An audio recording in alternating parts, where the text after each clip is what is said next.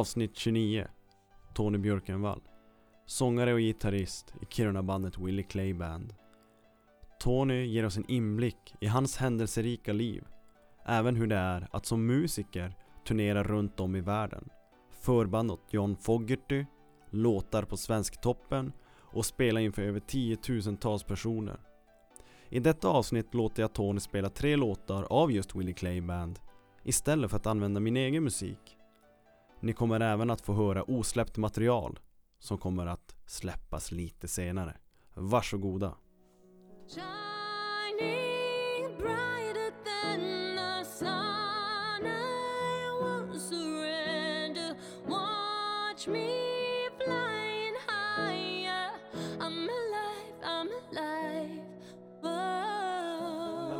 Lampan är lite... Jag bytte just den här när jag bytte... Jag Stör, gjorde... stör den någonting i frekvensen där eller? De kan göra det. Bra! fr- Va? Kan de det? Lysrör, ja. De kan, det är ett, zzz, ett brum i, Aha! ljud, ja. Fan vad bra att du säger det. ja. Då ska jag ju genast byta den. Testa det för att om du har något, om du någon gång har något lite Just, om, om man tänker, ja precis. Nu har inte jag märkt vad det det är för men... hertz där, men det finns. Den kanske klarar. Vissa klarar. Är du ett musikgeni? Nej. Nej det är jag inte. Egentligen rent teoretiskt så är jag helt värdelös i musik. Alltså. Men jag är det. Jag är inget, jag, nej jag, jag tror att eh, begränsningarna är eh, våran styrka och min styrka. Mm. Att jag försöker inte krångla till det, för jag kan inte krångla till det. Mm. Så det är. Eh, men Tony, Ja! let's go, let's go! Ja. Eh, jävligt kul att du är här. Tony Björkenvall, mina vänner. Eh, något jag tänkte på också nu efter den där låten du spelade upp just. Mm. När man hör dig prata, Mm. det är svårt att koppla eh, dig som jag ser dig nu Ja. till Mm. den rösten. Ja, ja, ja. Har, du- har du fått höra det eller? Eh, Eller är det bara jag? ja, någon gång har jag för, fått höra det, men jag har ju Redan när jag var liten, alltså efter målbrottet där, alltså ung, när jag var en 15 bast, så hade jag nog riktigt sådär sprucket i rösten, även om jag hade en helt vanlig talröst sådär. Så det är ingenting jag försöker göra till, det bara finns där. När jag, när jag klämmer på lite, ja men då, då, då kommer det För, där. det, för mig känns det som att, jag menar man har vuxit upp med Soldier-låten och Mighty Ja, Good Time mm, och det, mm. det känns som att på något sätt smärtan på något sätt Ja, men jag har Eller- nog Du berör ju verkligen Men jag, jag sjunger aldrig låtar som jag inte känner betyder någonting för mig. Jag brukar få ibland, så nu på senare tid när man har blivit lite kändis är ju fel, men lite i vissa kretsar, i vissa små kretsar har man ett namn sådär. Och då kan jag få eh, någon fråga på, på Messenger att hur, vad har du för tips i, när det gäller sång? Och då kan jag säga bara sjung inte bokstäver, sjung ord. Och då menar jag just att försök inte vara waila på rätt ställen och det här utan sjung, tänk vad är det för ord, vad är det för mening jag sjunger? mm. Och sjung det, inte orden, var inte för teknisk. Mm. Om du blir teknisk, det är ju ingenting, men, men det ska vara på grund av att du får en känsla av de här orden. Precis, och det, jag vet att många artister säger just det att man vill inte göra en låt som man inte känner någonting till. Nej, Som Ted Gärdestad när, när Kenneth brorsan skrev låtarna ja, så kunde han liksom välja att, eh, ja men jättebra text men jag känner ingenting till den här texten. Nej, så nej, gjorde han inte den. Så det, är- det är säkert ja, någonting som ni ja, har. det, ja, det, det är nog det är nog viktigt för mig att, att mena vad jag sjunger. Jag tror man, hör- man hör ju ganska fort också i låtar Ja. att Fan det, är verkligen äkta känslor här. Ja. Jag hade ju svårt när jag började försöka skriva åt andra artister och så här, då, och så försökte jag skriva någon sån här popdänga med, med någon fjortiskärlek och sånt där, men det, det gick inte. Alltså. Vad kunde en te vara? Va? Vad kunde... Nej men jag försökte, för jag ville ju så gärna eh, Kanske lite för gärna ville jag, ville jag jobba med det här och så Då hoppade jag på allting. Jag tog alla anbud med co-writes i vars den var. Mhm. Mycket i Stockholm sådär. Men jag, jag passade inte in där egentligen. Visserligen har jag ju en vad de, vad de gillade med mig var ju mitt melodisinne och det är väl där det för mig. Det är melodin som kommer före ofta. Mm. Men nej, jag var, jag var inte så bra på det där. Men, men jag tänker att när vi ändå sitter här, ska vi börja med att eh, För du är ju som Tony och sen är du även artisten, sångaren i Willie Clay Band. Mm. Men ska vi, vi gå in på Tony? Ja. Vi börjar med att gå in på Tony. Ja. Eh, Liksom du är Kirunabo, född och uppvuxen. En Född- present, Född presentation. uppvuxen i Kiruna med undantag för några år i Umeå när morsan och farsan pluggade där. Eh, fyllde 48 28 igår och det låter ju helt Igår, hiskligt. just Ja men grattis i efterskott. Tackar, tackar. Eh, och vad ska man säga, i stora drag så jag, trots åldern så har jag fortfarande jag har ingen aning om vad jag vill bli när jag blir stor. Och då ser jag inte det som, det är inte på något sorgligt sätt att det är en sån där uh, slacker som inte vet, utan jag älskar att jag inte vet vad jag ska bli. Mm. Så jag, jag går in i det mesta med, på, på vinst och förlust och jag har både förlorat och vunnit några gånger. Vad, vad hade du kunnat tit- tituali, titulera sig? Vad säger man? Vad är din titel? Just nu idag, men yrkesmässigt. Ja, men vad, vad ser du dig själv som för titel? För du gör ju ganska mycket. Och som du säger själv, jag menar du vet inte vad du ska, Ja, bli Alltså jag stor. har, ju, jag har ju jobbat som mattelärare, jag har varit eh, systemtek eller tekniker på S-Range. Jag har varit pizzabagare, taxichaufför. Och just nu så driver jag tillsammans med en kompis eh, Six biluthyrning i Kiruna. Mm. Eh, och så det enda som är som en röd tråd genom livet är ju musiken. Allt annat, jag har, jag har testat allting och, och, och, och nu känner jag mig kanske lite tryggare, förutom att det här året har varit helt galet Mm. dåligt på, på Precis, du har haft ett, yrkesbranschen. Där. mm, ett jävligt tufft år. Ja, ja, det har varit hemskt. Det, ja, dels då på, på Six på biluthyrningen, vi tappade ju allting nästan där. i 13 mars kommer jag ihåg att avbokningen, det plingade i mobilen hela tiden med avbokningar. Och sen ett, några veckor senare så bröt jag benet ganska illa och, och, och håller fortfarande på att rehabba det. Så, så det har varit ett jäkla tufft år faktiskt. Vad, hur bröt du benet? Det var en, eh, en skoterolycka. Det var egentligen klumpigt. Jag, jag, apropå vissa co-rides så är jag inte så bra på att köra skoter heller. Så jag, så jag, jag fick sko jag var på väg att hoppa av skotern för det, var en hängdriva så, så skoten. Jag visste att det här går inget bra. Så, så tjejen han hoppa av men jag var på väg att hoppa av så jag var i luften men fotbrädan han tar tag i min fotled. Så jag var ju redan i luften och vred mig och så då vred jag av hela eh, smalbenet. I själva avhoppet? Ja, i, precis. Så Åh, när jag, när jag, sen när jag landade så kände jag att det här var inte okej så då fick det bli ambulans och grejer. Vart hände det här? I Lainio, min, min gamla okej. släkts hemby. Men det måste ha tagit tid innan du fått hjälp? Eh, nej, utan Mm. eller jag, då Emma, min, min sambo, hon fick några superkrafter. Så hon drog upp mig på en, på en skoterpulka och drog in mig i stugan. Trappor och allt. Så hon är ju hon är inte stor men hon fick någon jäkla konstig styrka där så hon drog in mig. Och, och sen, sen fick ju ambulansen komma då med, så fick de dra ner mig med pulka där. Så. Och så fick jag åka till Gällivare direkt på operation. Mhm, mm. Och du haltar ju än idag? Ja, ja, ja visst. Alltså det, det... det är ju lite sådär, det, det, det var, blev bättre där ett tag. Men sen så har jag väl varit lite slarvig. Så jag har varit och snickrat lite i stugan och så. Så nu idag gjorde det lite ont men eh, Men det, det, det blir, de här spiralfrakturerna kan tydligen ta ett år innan de fixar sig. Så, det, så jag har ändå hopp. Mhm.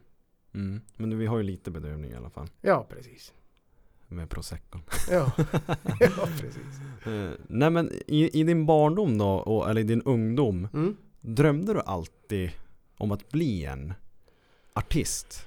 Eller vad hade du för planer Jo, tidigt? jag hade nog den ganska tidigt där att jag skulle bli rockstjärna sådär. Jag hade väl, ja men jag hade väl de där klassiska i början, brandman och, och sådär men. Men sen så var det nog när jag upptäckte musiken så var det nog musiken, det har nog varit det sen dess. Alltså. Vad fick dig in på musiken? Det var nog, ja egentligen var det farsan, farsan är ju musiker och har spelat till och med professionellt ett tag med dansband och så.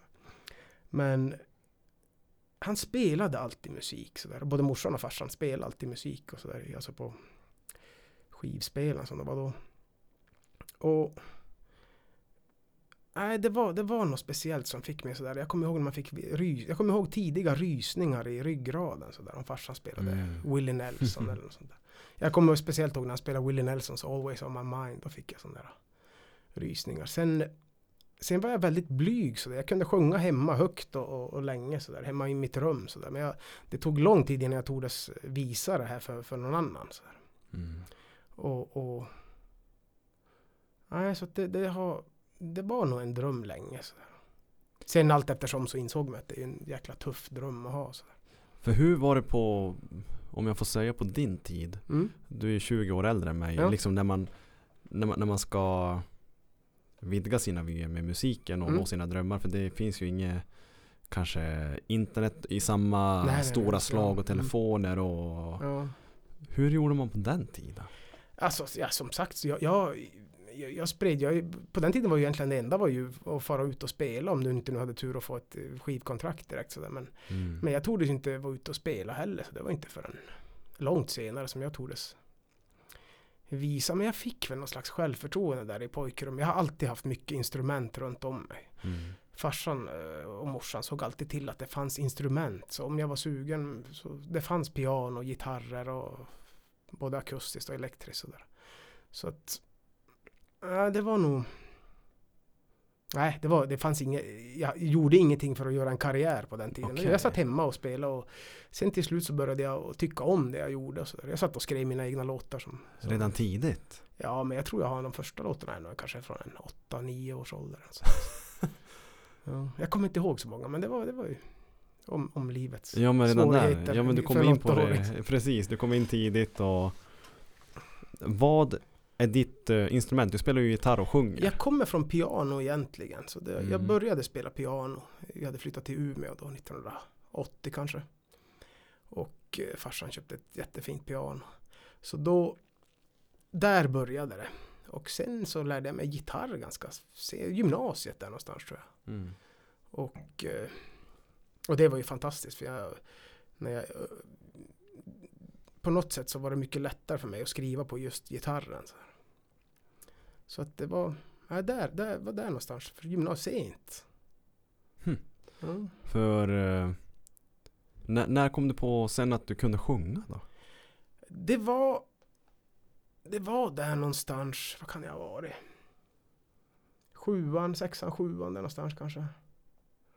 Som jag började sjunga lite för kompisar och sådär. Och så tyckte många att jag hade en- bra röst och sådär. Och då fick jag självförtroende av det där. Mm. Och nej men det var nog så. Jag kommer ihåg farsan brukade ibland han trodde inte jag såg men han brukade öppna dörren lite min, till mitt rum då, så, så stod han utanför och tjuvlyssnade sådär. Och, och såg lite stolt ut efteråt sådär. Ja men se där. Ja, Det är ganska bra feedback. ja, ja visst. Ja, Farsan står och tjuvlyssnar Ja, så. ja, visst. Ja, ja. Fan vad häftigt. Har du varit runt mycket i, i Sverige annars? Du nämnde Umeå. Nej, jag har, aldrig, jag har aldrig bott på något annat ställe än i, i, Kiruna och då Umeå då under den tiden när morsan de pluggade. Mhm. Nej, så jag, jag har aldrig bott någon Men sen har det ju varit, så, jag har väl också en sån där lite rastlös, jag gillar att resa. Men jag har känt eh, att Kiruna är en så här, skön bas för mig. Så. Vad är det som får dig att vilja vara här då? Mm, en bra fråga. Natur?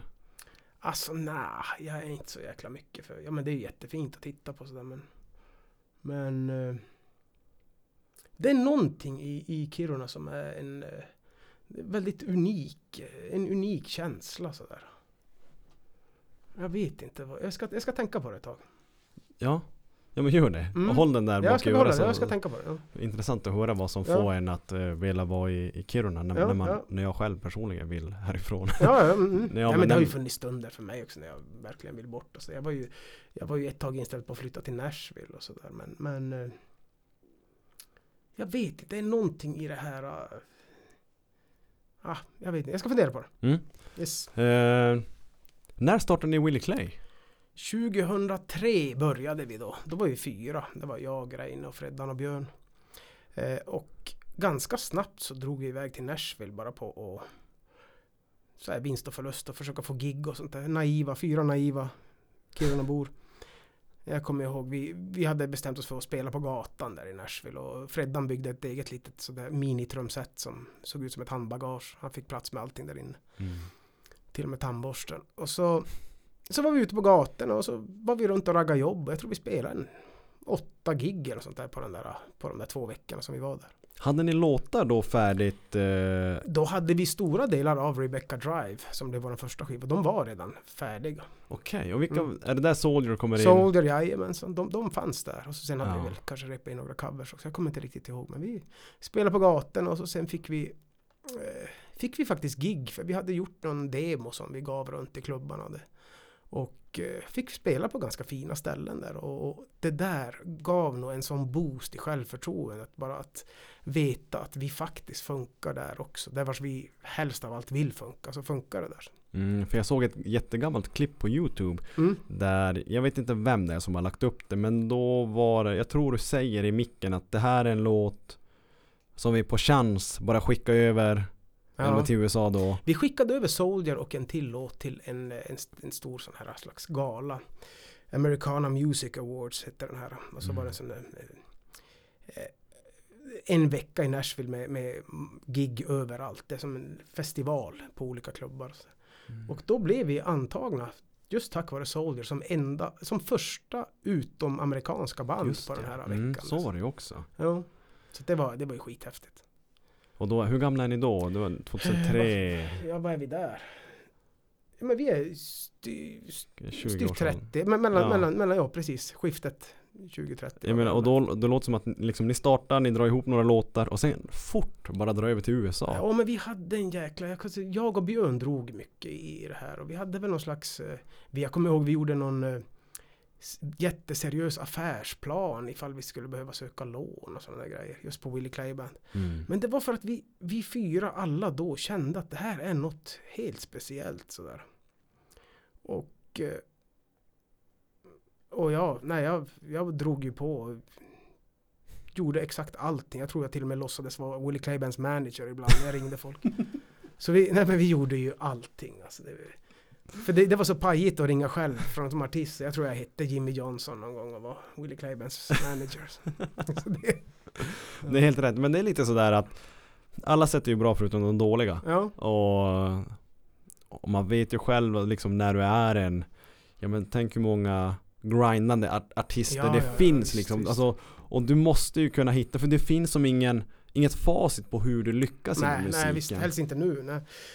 nej, men jag tror att det är sådär att man, jag tror många nöjer sig med att skicka in demos till bolag hela tiden och vänta på svar. Men det gjorde ju inte vi. Vi var ju som terriers.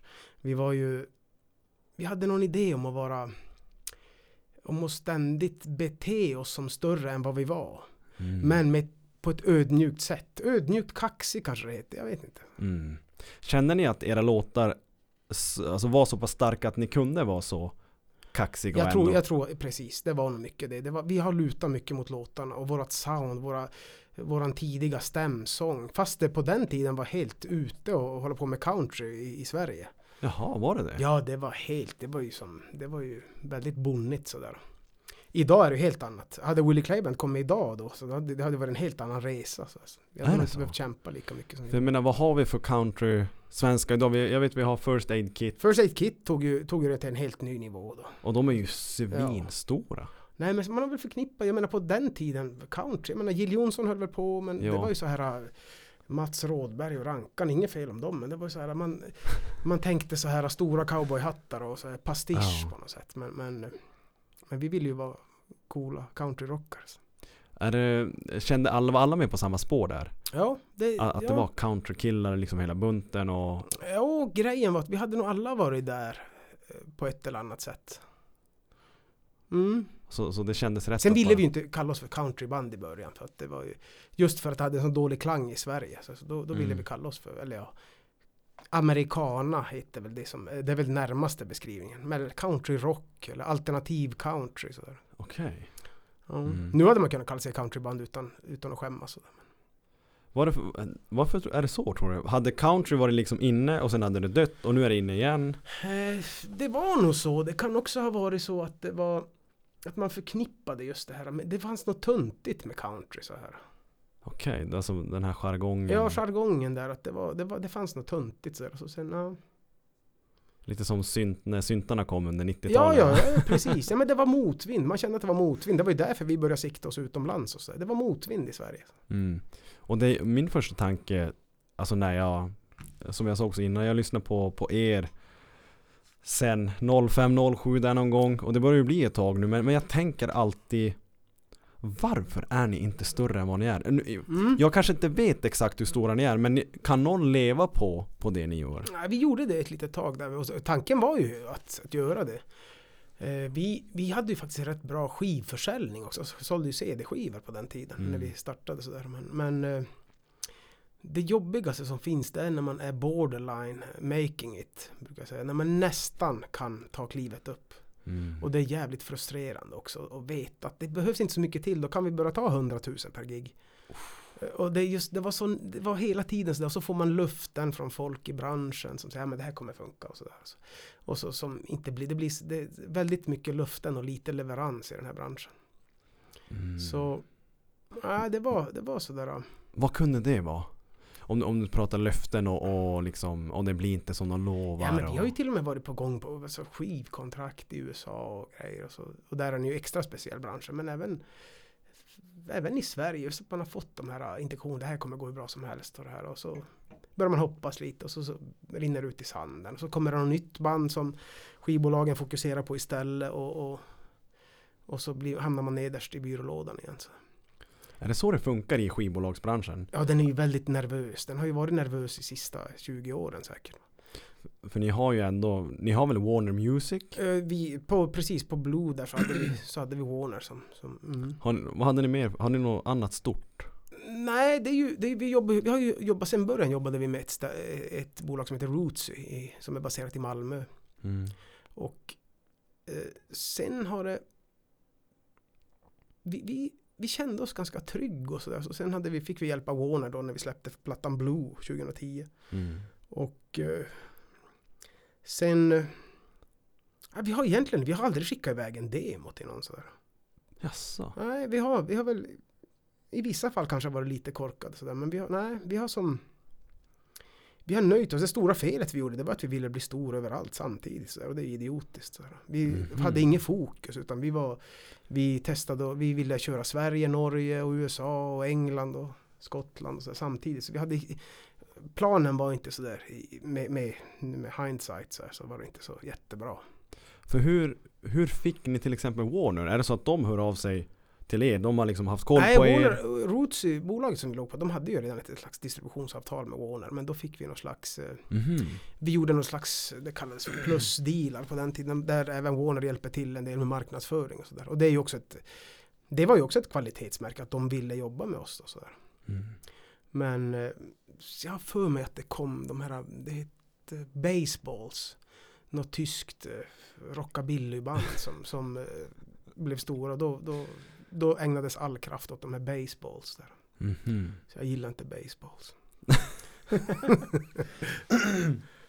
Men vad händer när man får en sån där deal ändå liksom med Warner med i bilden? Mm. Får ni pengar? Eller står de bara för publiciteten? Vi har aldrig, och egentligen har vi väl valt det, så det finns ju olika sätt. Det, det är ju Skivkontrakt idag kan ju se ut på jättemånga olika sätt. Men i vissa fall så innebär det ett förskott. Men, Mm. men det är ju också, förskott är ju bara ett lån. Så du lånar ju pengar av bolaget. Sen, du, du börjar inte få pengar förrän ditt förskott är recoupat av bolaget. Så. Just det, för den där har sålt. Ja, exakt. Okej. Men sen idag så ser de ju ut, om du får det som man kallar för skivkontrakt, det är de till exempel som deltar i Idol vill ha. Det är ju ett, vad man idag kallar för 360 deal. Då vill de ha en del av alla kakor. De vill ha en del av live-gager och hela biten. Just för att skivförsäljningen finns ju inte. Nu är det ju bara digitala. Mm. För, för det är ju det man säger. Ettan i Idol går ju ofta sämre än tvåan. Ja, ja precis. För Ja, men han- får lite tid på sig. Ja. Ja, och för, för då får de det här äh, skitkontraktet. För man har ju läst så mycket om det. Men jag har aldrig riktigt förstått vad det är som är skit. Men då är det precis som du Ja, säger. att, så, precis, och så jag vet inte idag vad man kan... Nej, jag har för dålig insyn för att se hur ett modernt skivkontrakt ser Okej. ut. mm. Men kanske en, i bästa fall en 10% kanske en artist får. Vad kunde ni ta för, för en spelning? När ni var som störst, eller där i början? Eh, senast förra året har vi spelat för en hundring faktiskt. Okej. Men det var i och för sig i Norge, där har vi fått någon annan slags liten eh, liten sväng. Vi brukar vara och spela på de här norska festivalerna ibland. Mm. Så det, det var det, 100 000 är det mesta. Sen har vi spelat jag menar från början så spelade vi väldigt billigt sådär. Men vi tog ett beslut ganska tidigt också för att eh, till exempel till klubbar runt om i Sverige. Så då, vi höjde gaget bara. Mm. Som en, som en strategisk åtgärd. För att Mm. vi tänkte att arrangörerna sa att ja, men det här kostar ju 25. Det här måste vara lite bättre än de här 10 000 kronors banden. Så, så vi gjorde så och det, för oss funkade det. Så. Mhm. Men, eh, nej men vi har ju väl spelat för allt ifrån spannet 10 till 100. Så. Och då är det, då delar ni allting på fyra? Ja, det. Ja, nu, nu är vi ju fem, nu är vi till och med sex idag. Okej, ja. Men sen blev vi ju ganska snabbt fem eh, 2005. Örjan va? Örjan precis. Örjan Han kom in i bilden. Mm. Och, då, och det har alltid varit så att ni Alltid splittar? gage, alltid split. Ja. Alltid split. Mm. Hur mycket får ni ut av den här hundringen? Liksom i handen? Alltså i bästa fall så, ja men säg då att du har ett bokningsbolag som rycker 15. Okej. Så ja. det är ändå 85 på, på, på medlemmar. Precis, och sen hur många spelningar kunde det vara på en sån här? Alltså när vi spelade som mest, men då var det inte 100 000 i gage. Men när vi spelade som mest så tror jag, jag tror vi gjorde en 50-60 gig något år sådär.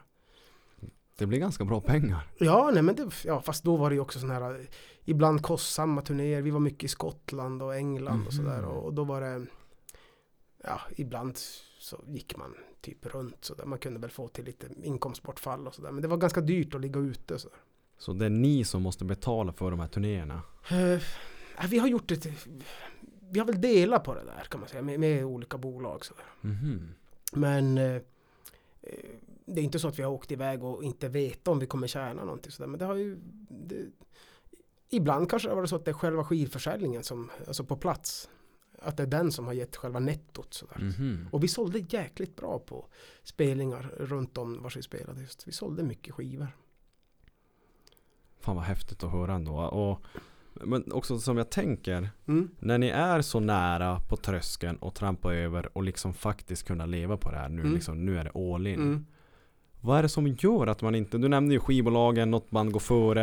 Men jag tänker att ni hade ju, ni var ju de här äh, Ja, väl- bulldoserna som ringde och du är Ja, ja, ja, visst, Johnson. visst. Ja.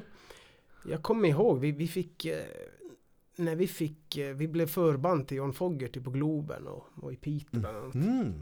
Och det var, jag kommer inte ihåg, det var coolt. 2006. Och då gick jag faktiskt in till min chef, jag jobbade på S-Range då, jag hade fast jobb på S-Range. Och då sa jag att han att nu säger jag upp mig för nu drar det iväg. Och min chef sa till mig att vet du vad, du kan ju få, jag kan ge dig tjänstledigt i sex månader. Och då sa jag bara no, no, nej, inga backup plans. Och det där ångrade jag sen till den 25 varje månad efteråt. Så där. Men jag gjorde det, jag, jag sa upp mig. Shit. Men dels var det var inte, det var väl, givetvis var det det som var tröskeln. Men sen kände jag att jag, jag, var, jag var, gjorde inte så jävla, gjorde inte skäl för min lön på det stället faktiskt. Mm. Nu om du, om du kollar tillbaka idag, Mm. vad skulle du gjort annorlunda? Ja, jag skulle ha tagit tjänstledigt från S-Range. Men, men jag vet inte, ja men det, det är det här med, med Rent känslomässigt så borde vi ha, eller främst jag, ha stannat upp ibland och klappat mig själv på axeln för, för allt vi har gjort och sådär. Mm. Det konstiga är att allting, när man är mitt inne så händer allting i en sån takt så att det känns naturligt. Eh, Men jag kommer ihåg så här, jag har alltid varit värdelös på att stanna upp och reflektera och vara nöjd sådär. Mhm. Det är en skitbra egenskap när man är i ett band, att aldrig bli nöjd. Men det är jobbigt för en själv. Mm. Jag kommer ihåg vi var i London en gång och spelade och så dagen efter så var vi på en av Londons största skivaffärer. Och då hade vi en egen flik. Willie Clayman hade en egen flik. Någon har suttit med en dym och, och tryckt sådär. Mm. Men då, jag vart inte nöjd över det. För då tänkte jag, men varför har inte vi den här displayen? Och sådär. Alltså, just det där, nu kan jag vara nöjd över det. Mm. Och tycka, men just då, jag var så jäkla... Nej, aldrig nöjd. Hur mycket har ni tjänat på Spotify? Eh, Spotify. Där är det ändå en ganska... Ja men idag är det ju så här. Eh, Det är väl, jag vet inte om det är någon hemlighet men det är ju ungefär Spotify betalar ut ungefär 60 000 om jag inte missminner mig per miljon plays. Mm. Och eh, ja, då kommer ju matten sådär. Men, Precis, ja. men sen är det också så här, det är lite krångligt. Vi, det, till exempel en, en som har, en tjej eller kille som har den här gratisversionen. De genererar mindre pengar och så Mm, vidare. Men det åker ju till skivbolaget då. Just så beroende på vad du har för deal så är det ju en del av det som du då får som artist. Så. Ah, så att ni äger ju egentligen inte era låtar som är ute på Spotify, eller? Nu, nu är det så att vi gör det, Nu men inte tidigare. Men Okej. sen, finns det, sen är det ju en annan grej som är lite orättvist. Det är att den här upphovsmannadelen är alldeles för liten. Den är, jag tror inte ens den är en tiondel av de här 60 000. Just de som har skrivit låten, det är de som är de stora förlorarna Mhm. i, i, i, i, med Spotify till exempel. Okej, och det gäller liksom alla? Ja, det är så. Justin Att Bieber upp, och... upphovsmännen tjänar sämst. Mm. Jag tror det är kanske en tiondel av, av eh, artisten som framför. Mm. Ja, det, det är snett. Fan, Men, men det är ändå intressant att För då får man också tillbaka de här eh, tankarna och blickarna när du säger att alltså, den här branschen Mm. Fan den är, är ingen jävla guld och gröna skogar Nej, hela tiden nej, nej, alltså Nej, det är kämpa. Och så sen nu, jag menar, nu när man inte ens har kunnat spela någonting tack vare covid här. Så det, mm. det är nog många som har mått jävligt dåligt. Vad har ni gjort nu under det här året? Vi har, ju, vi har ju börjat då. eh, Vi har börjat skriva nytt och tanken är då att vi ska släppa en ny, en ny Willie Clay skiva. Mm. Och, och ja, du fick ju höra bara. Fan ni vet inte vad som väntar Men ja Jag, jag spelade upp lite till. Pontus en, en, en låt vi ska släppa alldeles strax förhoppningsvis. mm. Och när Okej ja ni Alldeles strax Ja, men, men, vi håller på att kolla lite på det. är ju eh, nu när vi gör allting själv, då har man kommit på att det fanns, var ganska skönt att ha bolag som gjorde saker också. Men, ja, Precis, men nu det, vi håller på att fundera nu, ska vi släppa någon video i samband, sådana här grejer. mm. Att det är lätt, det är, vi hade kunnat släppa den i övermorgon så här och bara sätta ut den på Spotify. Men Mm. man försöker ändå göra saker lite så här rätt på något sätt. Tänker ni också För det finns ju pengar att hämta även från Youtube Jag tänker om ni släpper typ videos Ja, precis. Det var det jag tänkte lite sådär. Och inte, bara inte bara pengar. Alltså. För nu är vi, vi har ju alla, alla har ju andra jobb så att säga. mm. Och därför känns det på något sätt extra avslappnande. Vi har ingen ambition att leva på det här något mer. mm. Och därför tror jag det blev kul igen. Så. Ja men det har du nog fan rätt i Ja. För det är lite livet ändå Ja, det är jag visst. Och liksom eh, De flesta av er har säkert eh, Några av er har säkert barn och Och liksom alla de Ja, ja, går har sina egna vägar och Men på något sätt så ni, ni har aldrig känt att ni vill som släppa Willie Clay på något sätt Utan ni, ni håller ihop Nej, det är konstigt. Det är, som, det är som, jag brukar jämföra det med ett hem så här. Sen har vi alla haft lite sådana här fritidshus och grejer vid sidan om. Jag, hade, jag var ute och turnerade ett tag och släppte skivan med Marcus Fagervall då, apropå Idol. mm, Fagervall Björkenvall hette vi då. Just ja Och då, då var vi runt och sådär. Och så sen har vi alla haft, jag menar Reine och Björne har haft och Fridande Coolens och lite grejer. Björne är just nu ute ofta med, med eh, Malmfältens rockklubb och Johan Airijoki och sånt där. Mhm. Och Freddan har haft andra grejer också. Så att, men eh, Örjan också. Men det, det är som att det är någon slags hem sådär. Mm. Och vars man än är och spelar med, med det har jag hört av till exempel Örjan och Björn som är ute och turnerar då. Att de får höra att många frågar fortfarande vad hände med Willie Clay Band och sådär. mm. Så det är, som ett, det är som ett hem och så sen har vi lite, lite fritidshus runt om sådär. Precis men, men ni känner ändå inte att äh, ni, ni kommer hålla på Ja, ja nej, men Ett det går. ganska Det, bra det, det tag till. konstigt. Jag, jag skulle aldrig kunna säga att vi lägger ner. Alltså det, jag vet inte. Det är konstigt. Som, alltså, det måste Kirunaborna vara jävla glada att höra. Men Kirunaborna är ju, det är ju allt, det är vårat allt. Alltså, det, det självförtroende vi fick på Kiruna-festivalen varje Mm. gång vi spelade där, med ibland 5000 pers som sjunger med. Mm. Det tog vi med oss och använde ibland på de här dåliga giggen vi gjorde ibland.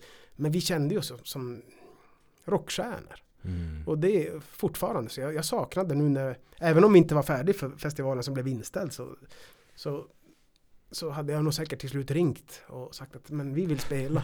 Nej men det, Ja. det är fantastiskt. Kirunaborna har verkligen gjort.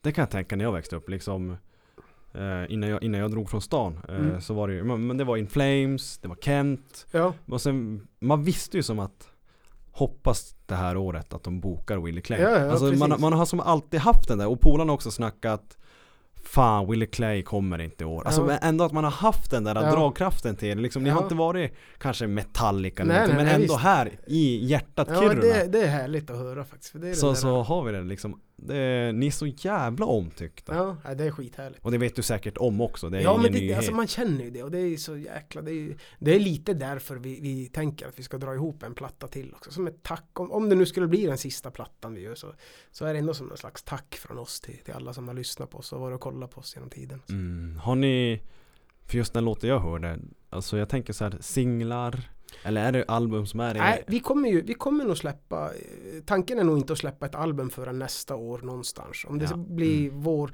förmodligen höstsläpp nästa år, som, om ett år. Men att släppa kanske tre singlar innan, innan Mm. den. Så här. Det här är en av dem. Det här är en, det Det är en av dem. Uff. Ja, för den här är ju lite, den är lite höstig och lite sådär. Vill, vill du, får du nämna någonting om den? Ja men det får jag göra. Det här är en eh, My Weakness heter den. Och den kommer från en eh, en gammal sån där eh, idé som jag hade med, med jag kommer inte ihåg hur riktigt hur jag kom på den. Men jag hade en, jag hade en byrålåda på den tiden med, med såna här, lite såna här ord, ordvrängning. Jag älskar sådana smarta ordgrejer. Och, och då kom jag bara på den i bilen någon gång. My weakness is stronger than I am. Min svaghet är starkare än jag. Och så började jag googla och tänkte den måste vara gjord. Den måste vara gjord. Alltså. Men den var inte gjord. Och så en gång var vi på en turné med en eh, med en eh, amerikansk tjej som heter Matresa Berg som eh, faktiskt invald i Songwriters Hall of Fame i USA. Och så åkte jag hiss med henne och så tänkte jag jag måste passa på. Då sa jag att My weakness is stronger than I am. Do you wanna ride it with me?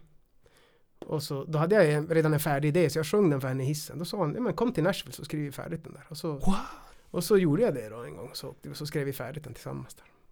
Fy fan Ja. vad cool! Ja, nej, det var, Det är svincoolt! ja, nej, men det, det är sån där grej som jag jag tänkte nog inte i stunden på hur stort det var att få skriva med en sån legend. Så. Fan vad häftigt. Ja. Men, men när vi ändå är inne på lite låtar, hade du velat dra en? en Ska jag köra? Vi kör en dänga. Ja,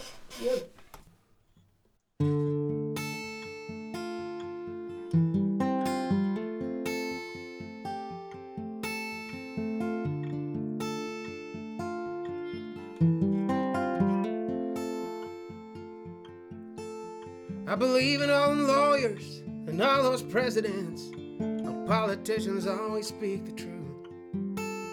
I believe in Santa Claus and I've seen pictures of Bigfoot. Believe in the fountain of youth. I believe that there's gold where the rainbow ends and anything the quackers will sell. I believe there is a God who's taking care of us all. I believe there is a wishing well. Most of all, I believe that I will hold you again. Most of all, babe, I believe that I will hold you again. I believe in all them psychics and readers of a poem. How all you need is nature medicine. I believe in UFOs and that there's love for everyone. I believe there is a pill to make you thin. Most of all, babe, I believe that I will hold you again. Most of all, I believe that I will hold you again.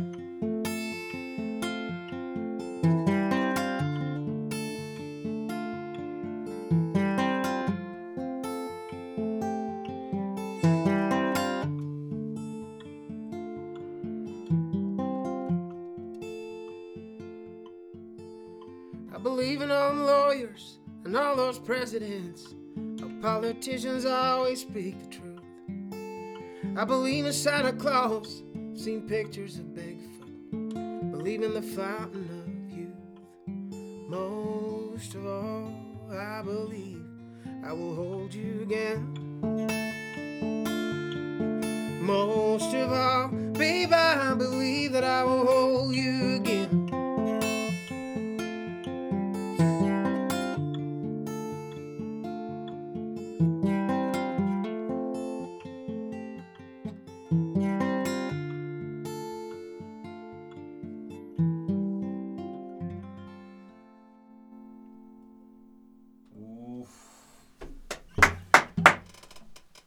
Den här låten du körde nyss Tony, Mm.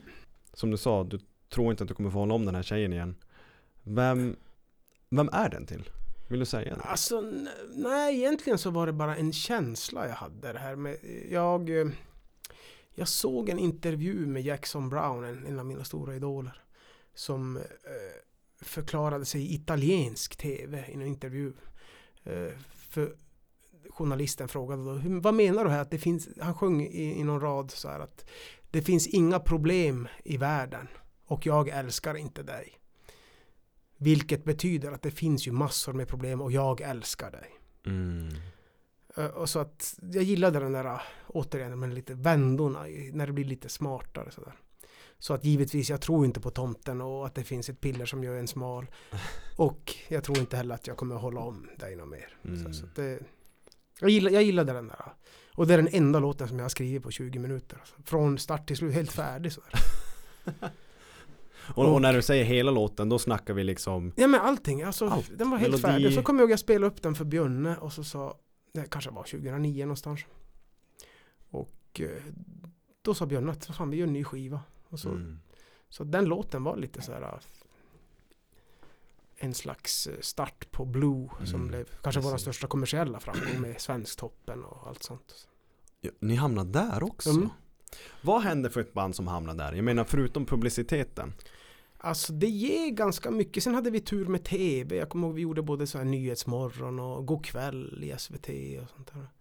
Och det, då var ju Warner med på tåget så det, det, det blir lite mer eh, action på det sättet. Precis. Och Mm. att man Är det som på något sätt att ert eh, Men där känner ni kanske att men fan vi kommer att lyckas.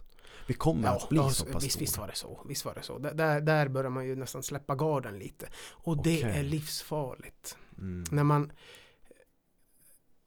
Jag tror att när man får ett skivkontrakt idag, nu har inte vi några aspirationer till sånt, men jag tror att många band slappnar av då. Och tänker, oh vad skönt, nu är det någon annan som tar över. Men det är livsfarligt. Det är då man ska jobba ännu hårdare själv och kanske låtsas vara Jimmy Johnson som manager till Willie Clayban. Precis. Det, är det, det är ingen garanti för någonting. Mm. Det är bara en garanti att någon annan också tror på en. Mm. Och, och hjälper till sådär. Men man får aldrig släppa den där äh, glöden där som, som, som nej. Är det, jag kan tolka det fel men blev det lite svulskalle, lite vatten över huvudet? Eh, Jag tror kanske vi har haft det någon gång, kanske lite grann sådär fast För jag menar ni är ju svinbra Men ni Ja. kanske trodde att ni var för bra för ert eget bästa? Nej, nej det tror jag inte. Jag tror, nej, det, nej, det har jag tvärtom tror att vi har ibland lidit av lite dålig självkänsla faktiskt. Ibland. Jaså?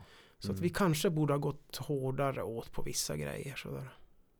Vi, jag tror man ibland har en, en liten sån här... Man börjar lite på minus när man kommer från Kiruna. Sådär. I vissa Mm. fall börjar man på plus för att man är exotisk. För, för stockholmarna. Men ibland också kanske man har ett litet så här sämre själv, självförtroende kanske. mm. Men äh, jag tror att det var mycket Country var inte stort i Sverige. Det var jäkligt svårt att slå sig in då och eh, vi, gjorde ju, vi tog ju våran, vi gjorde ju egen grej. Vi spelade ju istället. Vi var runt och spelade oss till fans. Mm. Vi har spelat ja, galet många vändor runt om i Sverige och Norge och Skottland. Förutom Kiruna, Mm. vart är era bästa fans? Eh, om jag skulle tänka sig var, vars vi har mest fans eller vars de bästa fans Ja men om, om vi tar båda, liksom Ja. eh, Vart kan bästa livespelningen vara och vart har ni mest fans? Eh, det där har ju, har ju varierat eh, i, beroende på vars vi har satsat och sådär. Men, men eh, de städerna som, som vi har varit i Sverige så här vars vi har mycket. Det är ju eh, i Luleå till exempel, där kan folk, fortfarande känna igen mig om jag går på stan och sådär. Mhm. Uppsala, Stockholm. Norrtälje av någon anledning. Så där. Ja, det är ju en av... eh, det är också en sån liten hemmabas. Tack vare att Roots ju också finns i Norrtälje. Men sen Malmö. Ja, det finns, det finns några sådana orter vars vi vet att vi... eh, Om vi skulle göra en turné så skulle vi sätta de här säkra giggen där. Okej, ni säljer slut liksom Ja, alltså vi, ja precis. Ja, Och det, det är skönt att ha dem och kunna lägga in dem där. Vi hade en bland annat, där har jag varma minnen ifrån Uppsala, ett ställe som heter Katalin som jag tycker är ett av kanske Sveriges bästa, kanske Sveriges bästa liveställe. Mhm. Eh, Och där fanns det en kille som hette Uffe då tidigt som bokade oss väldigt tidigt i våran karriär. Sådär. Och jag kommer ihåg att jag skämdes när vi inte drog in så mycket folk. Och så tror jag att vi hade ett gage på 15 eller någonting. Och då ringde jag Uffe efter gigget och så sa jag, jag kommer bara fakturera 8. Jaså. Och då sa han att, eh, nej men vadå, vi har ju sagt 15. Jag sa, men vi drog ju inget folk. Fan. Får jag bara respengar och hotellen? Jaha. Och så Sen den gången så hade vi bara fritt fram på Katalin i Uppsala. Mhm. Och byggde oss sakta en publik där. Men, men han sa det att ni är de första som har, som har, som har sockra fakturan istället för saltaren. Men blev det så att ni gjorde det då? Ja, ja, vi, Katalin är vårt favoritställe i Sverige. Så. Hur många tar den in?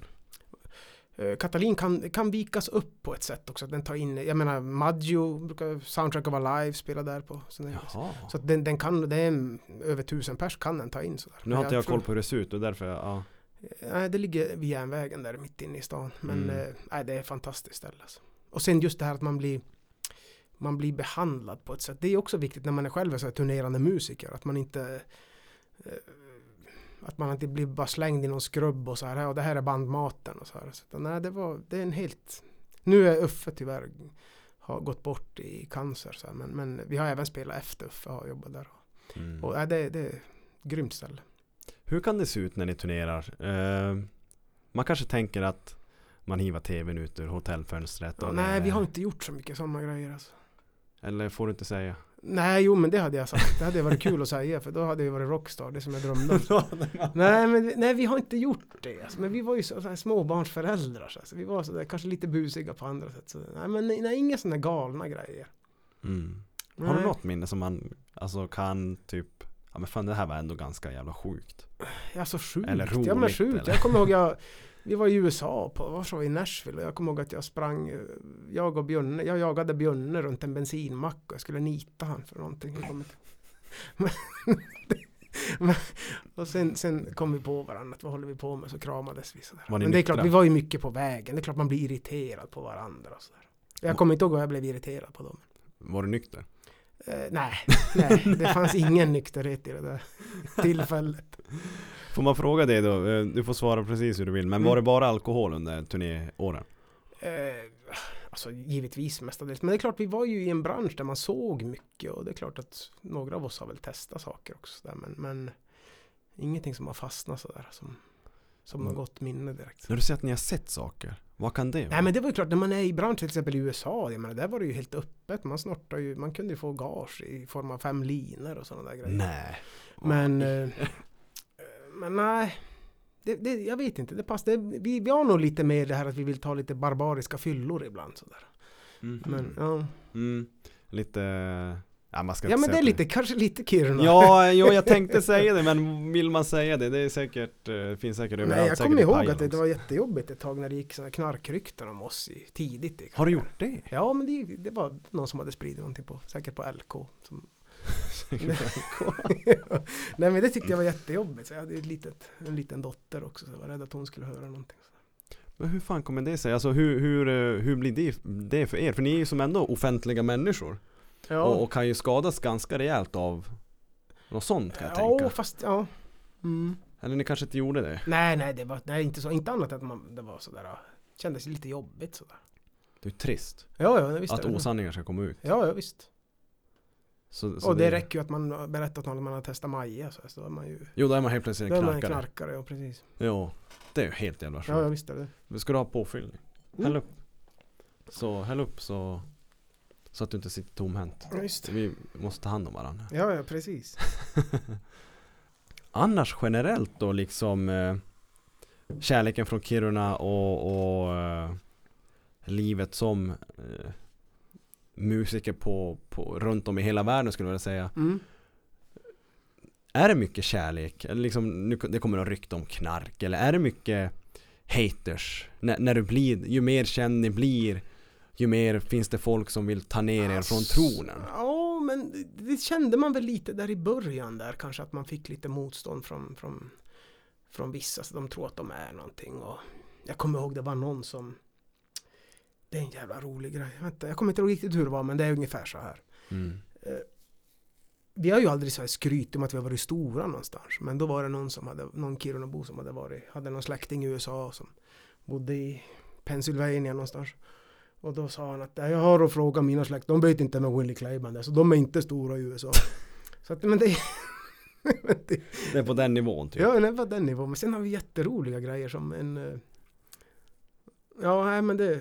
Ja. Sen är det så, har det hänt sådana konstiga grejer. Det är inte så många år sedan det var en, en tjej som vi känner som var nere och bila nära mexikanska gränsen. Och eh, ja, med, med sitt band och hon hade då gitarr, instrument i bilen. Så hade de blivit stoppade av en, av en vakt, en gränsvakt. mm. Och då hade han frågat dem Ja, ni har instrument, vad spelar ni? Så berättade jag, ja, vi är från Sverige och vi spelar americana. Och då hade den här gränsvakten, mexikanska gränsen, frågat, ja, men då borde ni veta vad Willie Clayban är. Nej, Ja, alltså det är så sjukt. Alltså, det, fan vad så- häftigt ja, det är skithäftigt. Så att, Fan den där med coolt. släktingen i Pennsylvania, han hade fel. Han hade fan fel alltså. Men jag tänker Nej, just, alltså, för, för, för ni har ju som ändå fortfarande eller ni har ju som alltid under tiden ett liv på sidan av med barn och så här och jobb och fritidshus Ja. som du kallar det. För det kan ju även påverka ert privata liv utöver artistlivet. Ja, ja visst. Att visst. få den här jäkla... Ja men här är man ju så fort man kommer, så fort man landade i Kiruna så var man ju privat sådär. Mm. Och, och förutom då att man, man eh, jag vet min dotter Hanna hon, eh, hon gick ju inte och handla med mig på, på länge. Hon gillade för hon, jag blev ju kvar i en timme och snackade med folk och sådär. Ja. På Kvanta Mm. eller på Ica eller Coop. Men samtidigt så är det ju, en, det är ju också någon slags grund i ett intresse och att folk, jag hälsar alltid på folk som, ja, jag hälsar säkert på fem gånger fler än vad jag känner. Ja, ja, jo. Men det, det är ju bara sådär. De har ju hjälpt mig de flesta. De som hälsar på mig som inte känner mig det är ju förmodligen mm, tack vare Willie Clayban. Mm. Och det är ju bara fint tycker jag. Ja men så, så ska det ju ändå vara, Ja. känner jag. För, för det är väl ja, Först och främst är ni ju värda det. Alltså ni är ju värda allt Ja, gott tack. tycker jag. Och, och Jag menar, för jag kan bara tänka mig att det blir Ja men om man tar en, eh, vi tar en Justin Bieber som kanske har dippar och sådär Men Mm. han har ju som bara musiken och han blir bara kritiserad av Till musiken, han har inget barn, inget sånt där Han har ju som Nej. inget på sidan Jag- Det är säkert hårdare och han har sina miljoner Ja, ja, Ni visst. hade inte de här Nej, kanske nej, miljonerna Nej. Alltså jag tänker att som person så måste ni ändå vara ganska starka Ja, alltså det var tufft. Jag vet, jag tror, jag kommer inte ihåg hur Björne brukar säga, men det var Men just det där att komma hem från en sådär lyckad turné mm. och bara komma hem och verkligen inse att det här eh, det är sådana kontraster. Men det var ju, det är kanske det man har gillat också. De här kontrasterna, att få bara bli vanlig så här och, och ja, du ska inte tro att du blir någonting. Så. Har du fått höra det? Ja, men det har man ju hört alltid. Så det är ju, men, ja, men just det där, det är ganska, på något sätt så är det skönt. Så Mm. att man, man, jag menar, man, man var rockstjärna på torsdag och på, på, på fredag så, så, så var man på Konsum där och, så, och fick höra någonting i kassan sådär. Ja men, men det, är, en- det är en sjukt, alltså Det är så annorlunda perspektiv från Ja. den ena dagen till den andra Ja, ja, ja, visst, visst. Och, och som man bara kan låtsas tänka sig in hur, hur det skulle vara Ja. Men när ni åker, något som jag tänkte också rockstar-livet Mm. Blir det mycket brudar när man är känd? Äh, Alltså, fan, vi var fan dåliga på det där alltså. Och ligga liksom Ja, vi var, vi var dåliga på det alltså. Jag var i Skottland en gång på turné och så och så träffade jag en tjej som var jättesöt och det är inte så vanligt i Skottland. Så, så, och så frågade hon om jag ville hänga med, hänga med och ta ett glas vin hemma hos, hos henne. Då. mm. Men eh, sen insåg jag ju när, hon, när gigget var slut och sådär. Så då, då stod hon ju där ute med sin mamma och väntade. Hon, hon och mamman ville ha hem mig. Så, så, då, så jag gick inte hem till dem faktiskt. Är det bara för att mamma var där? Ja men nej men det kändes jättekonstigt. nej vi var, nej faktiskt vi var vi var jäkligt dåliga. Men samtidigt så hade vi också, också nu, nu säger jag det för att Sen kanske det var för att vi var ganska fula också. Men alltså kolla hur jävla, hur snygg var Ed Sheeran när han kom upp? Ja, ja, nej, alltså visst. hyfsat Nej men jag kommer ihåg vi skulle bli sponsrade av något klädmärke. Jag tror det var Nudie Jeans eller någonting. Mhm, Och det ja. var jättestort sådär. Vi skulle få sådär åka ner och byta garderob sådär. Och Nudie är ett ganska dyrt märke. Mm. Så. Vi skulle få åka ut och, och eller åka dit ner till Göteborg och, och byta garderober så några gånger per år. Så. Men det rann ut och jag tror, jag tror att det var för att de såg att de, vi skickade ner en bandbild och sen insåg de att det är ingen, det är ingen bra pelare. Jag tror man kan, är du känd så tror jag att du kan få ligga hur jävla mycket du vill. Ja, ja, nej men så är det. Visst är det så. Men det är ju... Kan jag tänka mig. Men sen är det faktiskt så att vi var alltid i Vi var faktiskt i förhållanden hela bunten 90% av turnétiden. där. Det är ändå Och- starkt. Och trogna sådana också. Ja men precis, för det jag Ja. tänker, så folk skyller på Nu kan jag börja spåra iväg här, men jag Ja. tänker bara lite referenser att Tiger Woods, han var mm, Det kom upp att han hade legat med över 20 Ja. brudar Men alltså tänk dig Tiger Woods Han är super jävla kändis. Han har sin Elin, svenska Elin Tänk hur många gånger han har fått säga nej Nej Nej, alltså Mm. tänk hur många erbjudanden en ja, sån ja, människa visst, Det får. Och ibland faller man ju dit Ja, ja visst. Alltså vi är ju bara människor och Ja, ja. Alltså jag kan bara, en sån grej kan Ja. jag liksom tänka, snöa in på att men fan Tänk, det är lätt att säga åt Tiger Woods, han är sån Fan vad han är svinig mot elen Ja. och Visst det är ju svinigt med otrohet men alltså man kan inte förstå hur Tiger Woods lever sitt liv. Ja, nej visst. Förstår vad jag menar Nej, liksom? men jag där- tror att jag, till exempel för min egen, jag kan ju bara snacka för mig och jag, jag gillade ju den här äh, Det låter ju hemskt att säga men det här att Att man hade fått sådär Men det blir konstigt Nej men uppmärksamheten gillar jag Ja.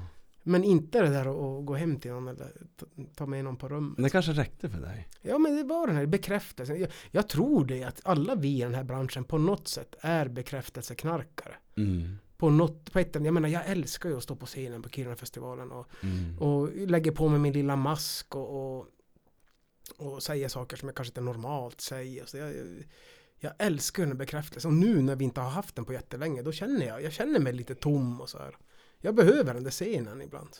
Jag tror att det är så med alla kreativa Ja, människor. ja, så är det nog. Att, ja men bara med mig med podden, alltså det är ju Jag skulle ju ljuga Om jag säger att jag inte blir glad när folk skriver Ja, nej, visst. Alltså hundratals meddelanden ja, Fan vad grym, vi älskar din podd Alltså Bara, man växer ju och sen bara Ja. Fan, man vill ju bara köra ännu mer ja, men den är ju grym. Jag, Ja tack, det jag, har är ju, jag har ju lyssnat på flera nu och dels inför det här också. Jag, gillar, jag gillar din, eh, din stil och din eh, jag var ju jättenervös inför det det sa jag innan, för jag har aldrig gjort något sånt här. Jag har, ju Mm, bara, jag jag- har gjort jag kan- radio och ja. sånt där, men, men, eh, men just att du har en förmåga att få en avslappnad sådär, så det, det är grymt. men, men jag tror att Alltså du ser ju här, vi har ingen manus Nej, Det kan ju bli vad fan som helst Det får bära eller brista ja, Vi visst. sitter här öppet, genuint Ja, vi, vi tar upp det vi precis kommer på i huvudet mm. Så, så jag, jag känner väl att hittills har det varit vinnande koncept. ja nej, men jag tror, jag tror att det, och så sen just det där med att man får förtroende för varandra, så det är jätteviktigt. Jo, vi, alltså, vi får ju en helt annan relation. Ja, ja, bara nu, precis. vi har ju Ja, aldrig träffats alltså liksom så jag här. har inte pratat om sådana här grejer på flera år. Så. Mm. Och, och sen är det ju såklart, eh, du idag har ju chans nu att nå, nå ut till tusentals. Mm. Willie Clay kommer med nytt. Ja, ja, jag visst. What Ja, det är skithäftigt. va? Det är skithäftigt. Och bara det Och ju just att de kommer ihåg oss. Jag fortfarande så. så. Har du svårt att förstå det? Ja, jag, har, jag har svårt att förstå det. För det är så länge. Vi har varit sånt här lite hattiga. Ibland så turnerar vi, ibland så spelar vi ingenting alls. Och, och, och ja, jag tycker, eh, jag tror att vi har bland världens trognaste fans. Så det, ja, men det är fantastiskt. Ja men det känns som det. Det känns som att varför Alltså Jag ser inte på något sätt hur man ska överge Willie Clay. Men jag tror inte, vi, vi har ju aldrig varit produktiva. Alltså, grejen är att vi har ju, vad har vi i ryggen? Vi har två fullängdare och en EP. That's it från 2003. mm. Men eh, vi har ju låtar som räcker till kanske fem album sådär. Ni har det? Ja det har vi alltså. Det, men grejen är att vi är Det blir lite hattigt. Men nu, nu, jag tror att varför vi vill satsa igen det är för att det känns eh, roligt. Det känns lite som 2003 igen innan vi åkte över och spelade på gatorna i USA. Fan vad häftigt att höra. Ja men det känns lite, det är lite samma, lite så här nervöst och och nej, härligt. Hur bra snack har ni nu i bandet? Liksom hur... Mycket bättre än vad vi haft. På, har på det, det. ja. Men det är klart. Jag menar vi kunde vara i Skottland. Säg att vi var i Skottland eh, 16 gig på 20 dagar. Men det, det, tar, ju, det tar ju död på, på ens själ på något sätt. Sådär. Men Mm. man var tvungen för man har inte råd att ha stillastående dagar heller. Man bor på hotell och äter och sådär. Så att vi, Ja, just, det var så, det var så tajt. Och jag som sjunger mest också behövde verkligen den här vilan. Mm. Så, och som jag aldrig fick egentligen. Så när de var de här långa, eller mycket gig på få Intensiva. dagar. Ja. Precis. Uppträder man alltid full? Eller är man nykter? Eller? Nej, nykter. det är Alltid, nykter. Ja. Nej men alltså nu, nu, har jag, nu har jag några historier om någon gång när, när kanske jag har varit full. Så, men det är väldigt dåligt alltså. Det är ju det är ett jobb man gör. Jo, och, och sen jag kan väl känna som faktiskt gillar att jag, jag rappar faktiskt, men det är ingenting jag skyltar med. Och jag skriver låtar. Just på grund av min livshistoria och sådär. Ja precis. Men så fort jag är full så känner jag att orden börjar, de faller ja, bort. nej, nej, nej. Och så det, det, det blir någon slags täcke över allting. För det man vill på scen det är ju att uppleva det. Även om jag för det mesta typ håller på att pissa ner mig innan gigget. Så får jag bara, får jag bara, jag brukar tänka, får jag 20 sekunder in i låten, då slappnar jag av. Precis. Men jag skakar och det är, jag är helt borta alltså innan. Nej, det där, nej. Vi brukar ta en bira innan gig så här. Ja, bara för att Ja, bara för Nu att kör vi. ta Liksom ner lite. gemenskap. Ja, det är som Ja. en slags, ja. Nej, det där är... Att du ändå är nervös att gå ut på scen efter Ja, så många blir, år. Ja, men det blir värre alltså. När jag har varit minst nervös, det var när ni spelade på Globen. Så här. Då, då blir det lite som, som en höjdrädd från ett flygplan som ska hoppa fallskärm. Man, det blir så absurt. Men det värsta som finns det är att spela på hemmaplan. Kiruna-festivalen är det absolut värsta. Du skojar inte? Nej, nej, nej. Jag brukar pissa så här. Alltså på, på en kvart innan så då går jag som en eh, irländsk setter och skvätter i, i tio gånger. Och eh, skakar och tänker varje gång jag ska aldrig mer göra det här. Och så efter eh, två minuter så fan, jag vill alltid vara här. Mm. Fan det- vilken skön Ja, känsla. det är en, Hur, hur kan ni lägga upp en setlist? Eh, känner ni att ni alltid vill ha med Nu sa ju du att ni har ja, men två album med en EP, kanske inte så jättemycket låtar nej. Men känner ni att ni vill alltid ha med kanske Soldier?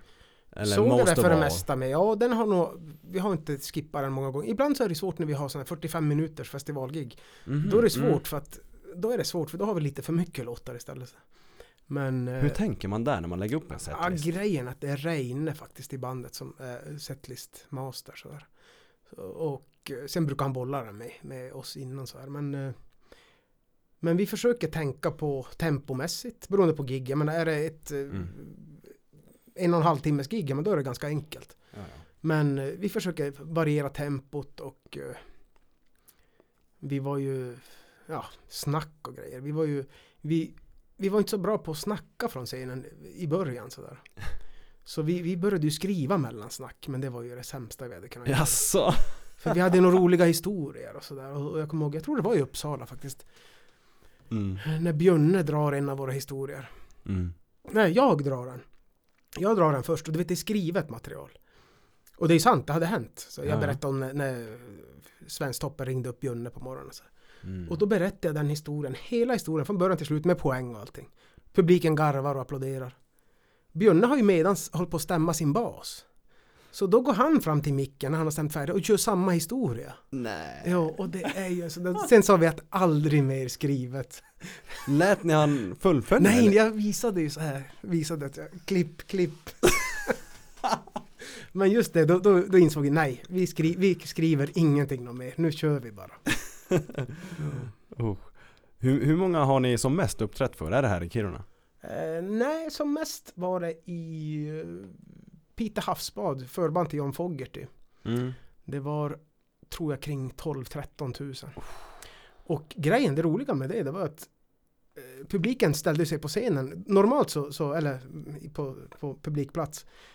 Innan vi spelade. Normalt så brukar inte förbandet få sådär jättemycket publik. Men det var så många som kände till oss. Mm. Så att när vi ställde oss på scenen, då stod det alltså 12 000 pers där. Och sjöng med till till exempel Soldier. Och det gillade inte John Fogerty. Va? Nej, nej, han gillade inte alls det. Så att dagen efter när vi spelade i Globen, då fick vi varken soundcheck eller ljus. Skojar Nej, nej, det är sant. Det är Hur, hur, men när ni är åt John Fogerty, hur mycket kontakt har ni med han personligen? Ingenting. Jag pissade bredvid han i, i en pissoar bakom scenen. That's it. Och det är han som bestämmer hela jävla... Nej, ja, han är ju så pass stor så att han bestämmer. Det var hans brorsa som var Hans brorsa och hans fru var, var stage manager och manager åt han. Men då på Globen dagen efter då fick vi ingen soundcheck och inget ljus när vi spelade. Men då fick vi hämnas istället för att Globen Merchandise hette de då som sålde skivor och sånt där. De kom ner till oss och sen sa de att det är första gången i våran historia som förbandet har sålt mer skivor än huvudakten. Nej. Ja, det var en sån Fick han reda på det du John? Ja, det hoppas jag. Nej, det var sådär. Nej, det var lite sådär. Men Men då tänker man så här, alltså En jättestor världsartist Mm. eh, och liksom Respekterad säkert världen över Och så gör så här ja, men det känns Men jag tror inte han... Han mår väl inte heller så jävla bra. Sådär. Men det, jag kan tänka mig att till exempel... eh, Jag tror aldrig att Springsteen hade gjort något liknande. Så. Det känns inte som Nej, det känns, inte- det känns som att det var sådär... Uh, nej. För jag menar vad Han förlorar väl ingenting på att ni har nej, för jag menar han har ju... Han har ju Creedence, han har ju hela sitt liv, han har ju allting. Tvärtom så hade jag varit glad om någon... Ja men precis Om jag skulle välja ett förband till Willie Clayman så skulle jag inte välja någon som, som jag tror ska vara dålig sådär. Nej, Så exakt då hade jag ju valt någon som är bra. Ja men få igång, för vad Ja, är ja, ett förband? Ja, Få är igång ju- ja, publiken Exakt. Liksom skön stämning Ja. Nej, det var en... Det var, det var jobbigt och så sen var det, men det var skönt att veta att vi sålde fler skivor. Ja men vilken jävla revansch. Ja, det var en riktig sån där. Ja men då, jag vill ju fan ingen shoutout till John Fogerty. Nej, nej, jag tycker inte nej. Inte när man behandlar Willie Clay sådär. Nej, visst. En annan rolig grej med det gigget, det var ju att eh, när vi spelade i Piteå så sa, när vi skulle gå av scenen så då, då ropade den amerikanska scenmanagern att eh, send up the Willie Clay crew och, för att ta bort kablar och sånt. Och då säger, då säger jag åt Freddan, fan vad coolt, vi har en crew! Och så säger Björne på väg ner för trappan, nej för fan, vi har ju ingen crew, vi måste göra det själv. Så, då fick vi kliva upp igen och ta bort kablar och pedaler och sånt. Och då trodde publi- publiken att vi skulle göra extra nummer. Sådär. Men, Och då vart de helt galna. ja, nej, det visst alltså. Nej, vi fick ju inte spela en minut till. Varför får man inte göra det när det är sådana såna där regler och liksom, alltså när det är slut så är jag det tror slut? att man har, jag tror att man, som regel, som förband har man inte mycket fördelar. Alltså, du Nej. får ju, ja, hela vägen så är, du, så är du sämre. Du får den sämsta logen och sådär. Du får, du får passa in dig i schemat. Du kanske får veta fem minuter innan att nej, ni måste korta sättet med 50. Men det är, man, man har inte några fördelar. Jaha. Men jag kommer ihåg då, jag tror det var kanske Det kan ha varit EMA på den tiden, eller United States, jag kommer inte ihåg. Men jag kommer ihåg att vi tog ju gage för det och det var inte vanligt på den tiden att man tog gage som förband. Mm. Men då sa jag, vi ska åka, vi ska flyga och vi ska bo på hotell. Nej, vi ska ha fan 50 000 för att spela. Mm. Då sa han, nej men det är ju förband, ni- det, finns inga pengar. Sen ringde hon i alla fall senare och sa att vi, vi kör. Fan vad häftigt. Hur, hur fick John tag i er?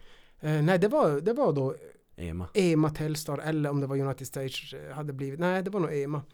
Nej, utan det var det var de som behövde en, de får väl vissa instruktioner från, från eh, USA Ja. då. Ett sånt här förband. Och eh, då frågade de oss. Mm. Och det var inte så mycket att fundera på egentligen va? Nej, det var ju, ja, men jag gick ju och sa upp mig. Ja men fattar du vilken jävla resa ni har gjort? Ja. Ni är Ja, liksom, Det är nu, det är nu jag tänker på det. Det är, det är häftigt. Alltså. det är först efteråt det kommer. Ja, det är synd för att jag hade önskat att jag kunde njuta i, i stunden sådär. Så du har inte Fogertys eh, autograf idag? Nej. Nej, det är också en sorglig grej. Det var ju Det var faktiskt Freddan, våran trummis eh, farsa, var ju chaufför. Han körde oss från eh, Nej, så det var inte dagen efter Piteå. Vi var i Norge och spelade dagen innan Globen. Eller dagen innan Piteå. Mm. Och då körde Freddans farsa oss eh, från södra Norge till Piteå på bara i sträck sådär. För så vi skulle hinna med Piteå. Mm. Och då hade han med sig kanske fem. Freddans farsa är en riktig Fogerty-fan. Creedence Mhm. Fogerty. Hade han med sig fem vinylplattor och eh, och då skulle jag försöka fixa att han fick dem signerade. Jag tänkte det är väl ingen match. Ja. Så då gav jag dem till, till Johns brorsa. Alltså så att eh, nästan naturligt så här, skulle du kunna kolla om så att John skriver på dem här eller signatur? Och då kom han tillbaks med de här fem skivorna utan signatur. Så nej, John ville inte göra det. Och, och jag tror att det handlade om något slags ägandeskap i plattorna och sådär. Men det var ju, nej, det var riktigt dåligt faktiskt. Det är ju helt absurt. Ja, nu låter det som att jag hatar John Fogerty, det gör jag inte. Nå, inte hans musik. Det här är ju bara upplevelserna. Ja, ja, visst. Ja, alltså det här är ju sanningen. Ja. Och, och det är ju, då får man ju bilda sin egen uppfattning. Ja, jag tyckte det var så enkelt. Var, rita på fem skivor och det hade betytt så jäkla mycket för Freddans farsa. Så. Men alltså förstår du hur en sån stor artist kan göra ens liv? Typ. Ja, ja, ja, visst. Bara visst. genom att signera. Ja, jag spelade ju, när vi spelade in Rebecca Drive så hade vi med eh, en kille som heter Garth Hudson från sådär legendariskt, de heter The Band. Och då han spelade på våran platta, då hade jag tagit med mig en vinyl från farsan då. Music from the Big Pink hette den där. Alltså. Sådär legendarisk platta. Och då gav jag den till Garth och så sa jag, kan du skriva någon hälsning? Då frågade han, just det, det så det värme bara, vad heter han? Jag var Lars. Jag to Lars from Garth Hudson. I think I'm gonna write some dots over there and a heart over there. Tänk en superstjärna alltså. Ja. Ja. Men, men det är lite det man vill tro om Ja. stora människor. ja. Att de faktiskt har ett hjärta också. Ja, ja, visst. Men jag tror att det, man har ju hört lite rykten så att jag tror inte John alltid har mått så bra. Så där, så det kan, det nu är jag, jag är ingen Fogerty-fan. Nej, jag har aldrig heller varit någon riktig, förutom jag köpte någon platta då, 90-talet kanske. Men jag har aldrig varit någon sån riktig Creedence-fan heller. Så, så, men, eh, men det var ju häftigt att, att se hur de jobbar de stora, hans musiker och, Mm. ja, det var skithäftigt. Alltså det är ju mycket ni kan lära er av att se liksom världseliten. Ja, ja, ja, visst, jättemycket. Men, Det, det är nog jäkligt viktigt att man, att man aldrig stänger sig och slutar lära sig. Så att varje dag är en skoldag. Det måste alltid vara led jo, ordet sådär. men så är det nästan med i liv, så är livet. Precis, jo, i Mm. livet vad du än gör. Ja, Om det så är med uthyrningen, bilen, Ja, ja, ja, du visst. kanske har jättebra koll men, men ändå för, för, för, för ditt eget bästa och din personliga utveckling. ja, visst. Alltid ödmjuk till nya lärdomar. Ja, visst. Skulle jag vilja Du säga. har ju blivit bättre från avsnitt ett, garanterat. Det har jag nog. Jävlar vi satt här och skakade och eh, funderade. Ja. Jag satt Vem var första? Emil Björström. Jaha, Emil. Hansis son. Ja, ja, ja, Han, äh, FF. Ja, ja, Så att eh, jag vet inte hur länge vi satt och pratade innan vi tryckte på play. ja, ja. Det är Och kul. jag menar bara en sån grej och, och då har man ju funderat så här, men kanske borde man gå i vad ska man göra för att få sin röst så bra som möjligt men rösten min har inte fått någon kritik alls Nej, faktiskt. ja, men jag Eh, tror att du, du låter bra i, i podden. jag tror att typ i mitt eget avsnitt så när jag väl hamnar i ett eh, skede där man blir så ivrig du vet. Ja. Då kan det bli att man börjar babbla jävla fort. Ja, det, det var mitt problem i radio ofta. Jag, det lät inte som, som språk, det lät som bara Jag var ju så nervös alltid.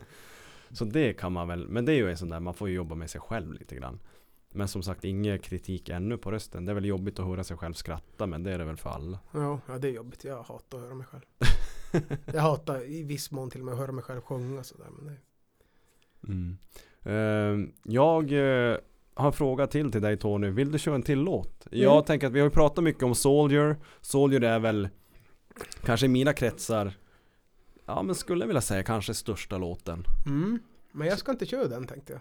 Ja, Jag ska köra den här nya som vi ska släppa. För nu är vi, vi är ju faktiskt utan skivbolag så att jag får ju göra vad jag vill. Så, precis. så jag tänkte köra My Vill du köra den nya? Mm, ja. Mm. Ja men då kör vi.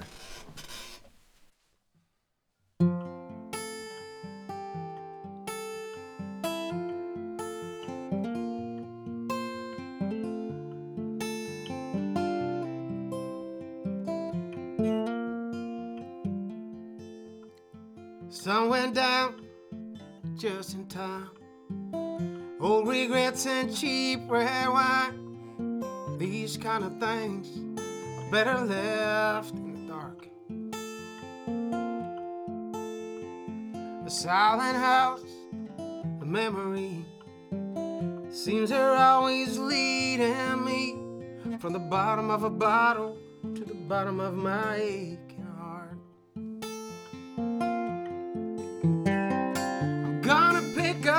but I don't want to. So tired of being alone, guess that I still want you.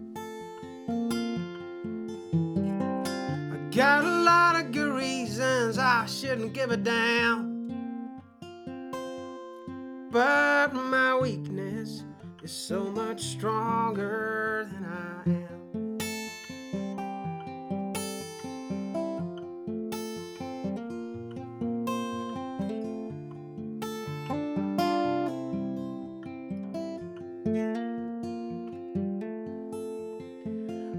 First held you, I could tell I'd be the only one who fell.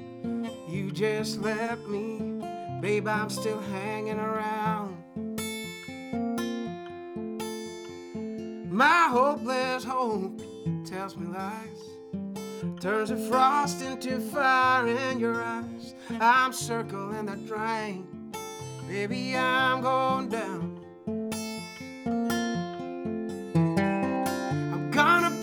The phone, but I don't want to. So tired of being alone, they said I still want you. I got a lot of good reasons I shouldn't give a damn, damn, damn. But my weakness is so much stronger than I You're my weakness. You're so much stronger than I am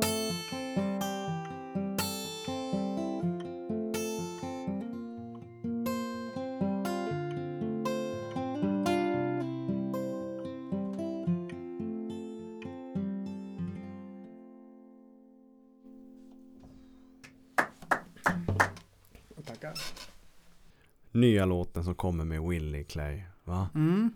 Alltså det, det är en, den här är Som jag sa till dig tidigare också, alltså man har ju den här uh, Willie Clay-känslan Jag blir, jag blir så jävla slår. glad när du säger det faktiskt. och, och det är ju, man känner direkt, det här är För det är många år sedan vi har varit i studion. Jag mm. för, jag vet, du berättade ju också när du fick spela in den här Mm. Så i och med olyckan och sådär så hände det lite Ja, galna nej, det var grejer. så här ja. jag, jag, jag sjöng, jag la först sång på den här eh, i studion hos, hos Björn. Björne har en jättefin studio i Tullavar, Heart of Sound heter det. Men han var inte där just då när jag la sången. Och då, då ringde han mig typ dagen efter och sa vad fan har hänt med tonen din? Du låter ju för fan glad. Du, kan inte, du, du ska inte vara glad. så, och så insåg vi att det var ju för att jag, när jag bröt benet så, så fick jag ju lite för frikostigt recept på Oxy. Mm. Det finns två grejer som heter Oxycontin och Oxynorm. För de som inte vet vad det är Vad, vad Ja, det, är ju, det är ju en slags syntetisk morfin som har en galet hög upptagningsförmåga oralt, när man, alltså i tablettform. mm. Mer än vad vanliga morfintabletter. Mm. Och det är en stor kris nu i USA till exempel för att läkare skriver ut det till höger och vänster.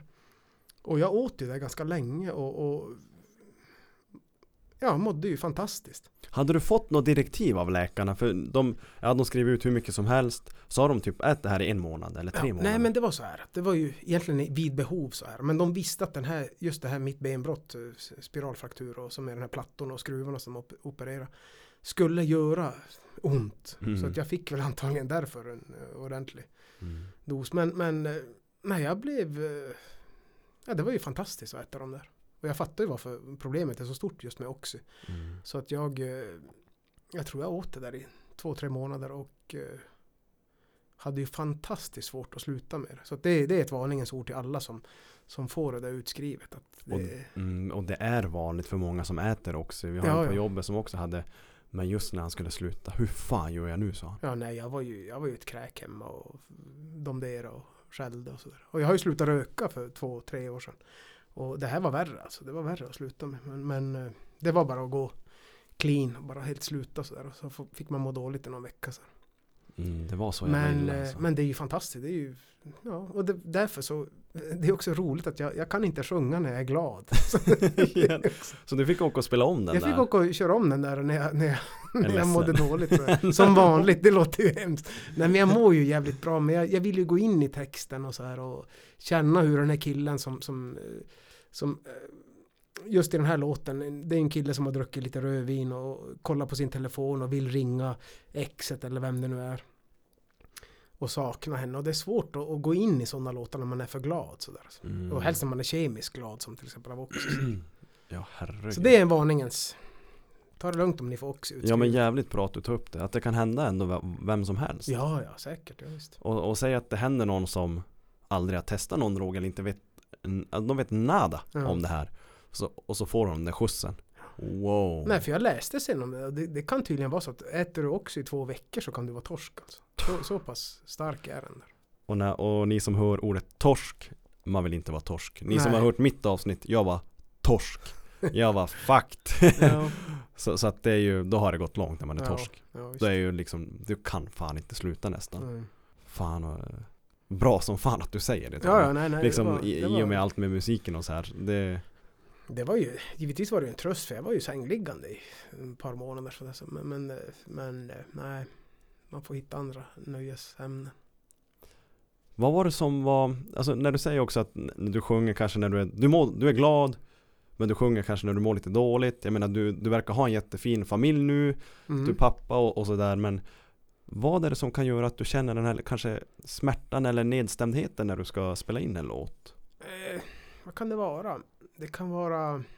Egentligen så, så skriver jag bäst när jag är eh, ändå hyfsat glad sådär i, i, i livet sådär. Mm. För det är lättare att se på det jobbiga i ens liv när man ändå har nått till en viss höjd i, i när man kan kolla ner, kolla tillbaka på sitt dåliga mående. Det, jag har aldrig skrivit någonting när jag har mått som sämst. Sådär. Så jag, Mhm. jag pendlar ju i mitt mående, jag gör ju det. Mm. Sen vet jag inte om det är någon diagnos eller vad det är, men jag pendlar, men det gör väl alla kanske. Ja men jag tror det är så Men jag, jag vet att jag, jag skriver bäst och mest sorgset när jag mår som bäst. Men det är för att jag får sån distans till, eh, Mm. till mig själv. Kanske tycker jag själv är lite sorglig där när jag, när jag var där och mådde dåligt sådär. Precis. Fan, Men- ja.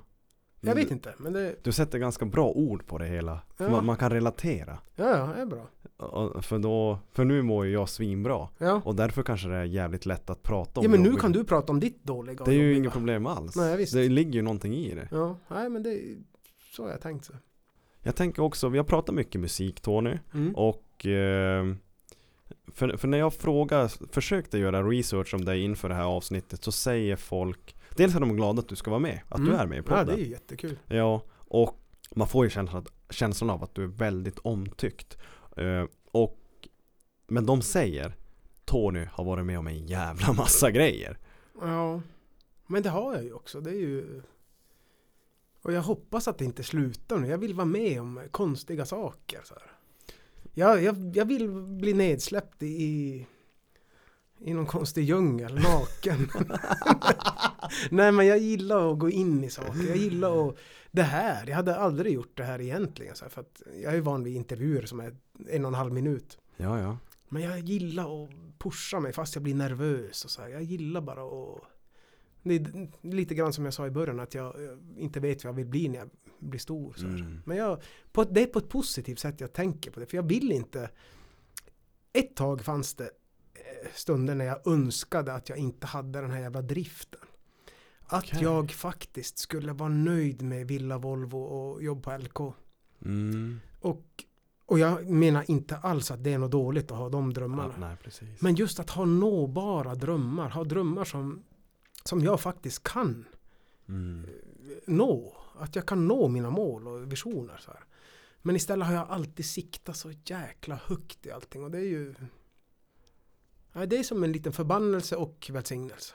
Ja men jag tror att det är det. Men, men när de här, äh, när personerna säger att de varit med om mycket, vad tror du att de syftar på? För jag har inte fått något konkret svar av dem. Alltså vad kan det vara? Ja, men Har- det är klart att jag har ju jag har ju varit galen så det är dels i, i jag, jag tror att det är mycket i, inom musiken så här.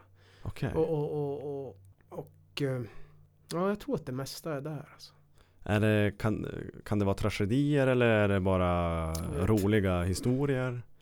Nej, men det är ju, jag, jag tror att det, det kan ju vara mycket så här roliga grejer som, som eh, men jag har ju jag har varit med om sådana overk nu när jag tänker på det. Jag tänkte inte på det just då, men jag var eh, till exempel en sak när jag fick träffa min största hjälte. Han heter Chris Christofferson som är en sån där eh, Mm. fantastisk hjälte.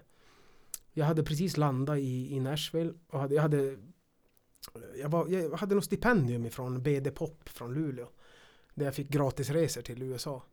Och så hade jag precis landat hos min eh, förlagschef då där nere, Melanie heter hon. Och då frågade hon att jag vet att du har rest i 16 timmar men skulle du kunna hänga med på en liten grej? Eh, det var någon slags minnesstund för någon förlagschef som hade gått bort.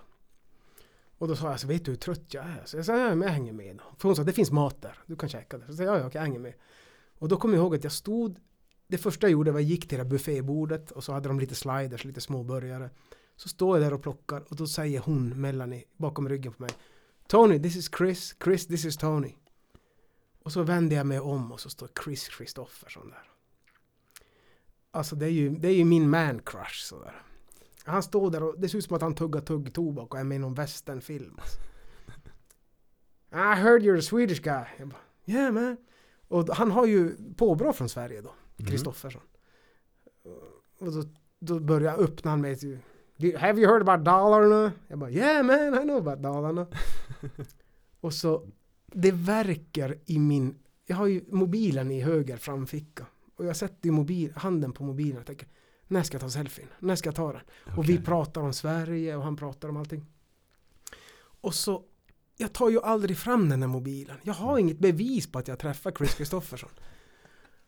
Och så ska han upp och hålla ett tal och då försvinner han ju från mitt liv, tänker jag. Och så efter talet så går han raka vägen fram till mig. För alla är ju jättejobbiga och ska fota sig med honom hela, hela tiden. Mm. Då kommer han till mig och så frågar han mig att Får jag stå med dig ett tag? De det är lite tjorv med de andra. Nej. Och så står jag ytterligare och så känner jag på högerfickan, men då kan jag inte ta det där fotot. när han har kommit till mig för att just för att jag inte är jobbig. Och nej men det är en sån där grej som, som är så häftig och så, sen märkte jag ju efteråt att då började ju folk intressera sig för mig. Vem fan är den där som inte tar selfies med Chris? Han måste ju vara viktig den där. Så efteråt då ska ju alla skaka hand med mig och fråga mig. Så, okej. Fast jag, nu ångrar jag lite, jag borde ha tagit en liten sån där. Men får jag låta dum? Mm. Vem är det? Chris Kristoffersson, han... Eh, dels så... Eh, så är han ju en... Du, du måste kolla sen. Han stavar Chris med K, K-R-I-S. Mm. Han... Eh, skådespelare, men det är sekundärt. Han är alltså en låtskrivare utan det. Han brukar vara, han, han spelar på Hultsfred och så, det är inte så länge sedan. Mm. Eh, Sunday Morning Coming Down. Han skrev, bland annat skrev han Bobby McGee som, som Janis Joplin gjorde känd. Det var, Mm. det var Chris som skrev den. Och som Okej. sagt, alltså skulle man se ut sådär när man är 75 då skulle jag, jag skulle ge en, ett par fingrar för det. Ja, nej, men kolla, kolla det, det ska Ja, ni kolla. Chris. Kristoffersson. Ja, jag ska kolla bild. eh. Säkert, du, du kommer känna igen honom när du säger. Ja, ja men säkert. Lever han idag? Han lever. Mm. Okej. Yes. Mm. Så det är inte för sent än att ta den där Nej, det är inte för sent än. Jag, jag, jag har funderat hur jag ska ta den där. Men samtidigt så är det många som säger att men du fick ju den där stunden istället. Och givetvis är den ju mer värd. Men det är ju Mm. jättekul att lägga, lägga upp en kreddig bild på Facebook. Hänger med Chris och där. Och det. Men nej. Det tänkte jag också på tidigare när du berättade om era turnerande och Fogerty och hela den resan. Mm. Förutom Fogerty och då din man crush, Mm. vem kanske mest kommersiella kändis har ni träffat och, och pratat med och sådär? Eh, Ja, det är jättemånga i, i USA. Så jag har ju... Jag blev ju lite halvkompis med Brad Paisley. Det är säkert inte så många. Nej! Ja. Shit. Vi spelade i, eh, på Notodden i Norge, södra Norge. Och så kommer, så landa jag stod just utanför hotellet, jag rökte på den tiden, stod jag och rökte där ute. Och så kommer han, han bodde på samma hotell som oss. Mm. Brad, och så, så kommer han bara fram till mig och pratar med mig. Och så, så frågar han, vad heter ditt band? Så säger Willie Clay Band. Så frågar han, när går ni på? Så är klockan åtta. I'll be there Tony. Och jag tänkte bara, jag gick ju till grabbarna och sa, fan Brad sen." kommer kolla på vårt gig. Eh, men eh, sen tänker jag givetvis, det är ju amerikaner, alltså jänkare säger ju saker som de inte eh, levererar. Mm. Och så kör vi igång gigget, Stay the Night, kommer jag ihåg vi körde igång. Day without you. Och så ser jag dyker det upp en snubbe på höger scenkant, Brad Paisley, visar tummen upp åt mig. Och sitter och kollar, han står och kollar hela gigget. Och när vi går av scenen, för han skulle uppträda senare vid 10-11 snåret. Mm. Och det, Brad Paisley, ja, det är ju kanske countryvärldens största Han är fan namn. stor. Ja. Han är... Och eh, då så kommer Brads manager eh, och så säger han bara Brad wants to talk to you. Så går jag och snackar med Brad och Brad säger Tony kan inte du hänga med mig på, när jag gör sista låten, Alcohol heter den. Mm. Och så går du ut med mig på catwalken så tar du med en ölflaska och så börjar jag slida med den där ute. Och så sjunger du lite med mig. Och så så jag bara, ja, för fan, nej men vad fan, vi kör. Som vanligt, ungefär som den här podden. Så vi kör. Jag höll ju på att bajsa ner mig. Men sen inser jag ju att jag kan ju inte den här låten. Alkohol heter den. Mm. Så jag går ju till turnébuss, till Brads turné. Han har ju sån där lyxig sån där turnébuss. Som de säkert har flugit dit på något sätt. Men så går jag in till turnébussen och frågar managern, för Brad är då i sitt hotellrum då. Så jag frågar managern att om de har alkohol, alltså låten på i bussen. Och han tror att jag menar om, om de har alkohol. yeah, I think Brad let some whiskey for you. Here you go man. Men jag sa no, the song, song, the song är alkohol. Så får jag lyssna på den lite grann. Och så sen är det ju dags då när det händer. Och då, sen blir det ändrat för då kommer ju hela Willie Clayband upp på scenen och sådär. Sen tar han bara upp Tony, come on! Och så går jag ut med Brad på den här lilla catwalken som finns ute bland publikhavet. Det var ju Mm. galet med folk. Och då börjar han slida där och så och så ger han micken åt mig. Och, äh, det, det är också en sån där. Det var till och med nyheter i, i Nashville. Så det fanns på, i någon tidning där. Swedish Willie Clayband with Brad Paisley on stage. Alltså, wow! ja, men det, Ja men, ja men det var skitkul. Det var, det var så häftigt. det är ju helt sjukt. Ja. Sen Det- hade vi lite kontakt efter det faktiskt. Vi hade lite så här. Jaså? Jag hade nå, någon låt som eventuellt sådär som han var intresserad av och sådär. Har du Paisleys nummer? Eh, nej, men jag tror jag har hans, uh, hans managernummer har jag. De, de är ju jävligt proffsiga, de ger ju aldrig ut sådana där. Okej, ja. Förut, ja. Men jag, jag skulle säkert kunna, jag är tvåa var Fan vad häftigt. Mm. Och han har, alltså jag har väl lyssnat ganska mycket Paisley. Ja, du har det. Jo. Sen, sen en annan, apropå sådana här stjärnor, så det var att faktiskt Keith Urban hade en av mina låtar på Mhm. hold. En av mina nyskrivna låtar som inte var någon Willie Clay-låtar. Han hade den på hold sådär i två dagar. Det betyder att eh, den var en av 30 som skulle ner på en skiva. Och hade den då, nu, vart, nu hamnar den utanför, men hade den blivit en av de tio då hade ju Ja, då hade jag kanske bott i ett hus istället. Okej, du hade kanske inte ens suttit här idag. Ja, men det hade jag gjort. Men jag hade Okej. kanske, jag hade köpt hus av det. Det är så pass jävla... Fan Ja, men det var ju så, det var så, det var så stora pengar på den tiden också. En låt som blev en liten på, hamnade på en skiva, de trycktes ju upp i, i Mm. 500 000 ex direkt sådär. Bara där har du, har ju pengar. Men alltså förstå den här hårfina balansen mellan nu jävla köper jag hus, nu måste jag... Ja, men jag blev ju less på den. Alltså, jag blev ju less på det här äh, ständiga, fan nu, nu händer det. Och så händer det inte. mm.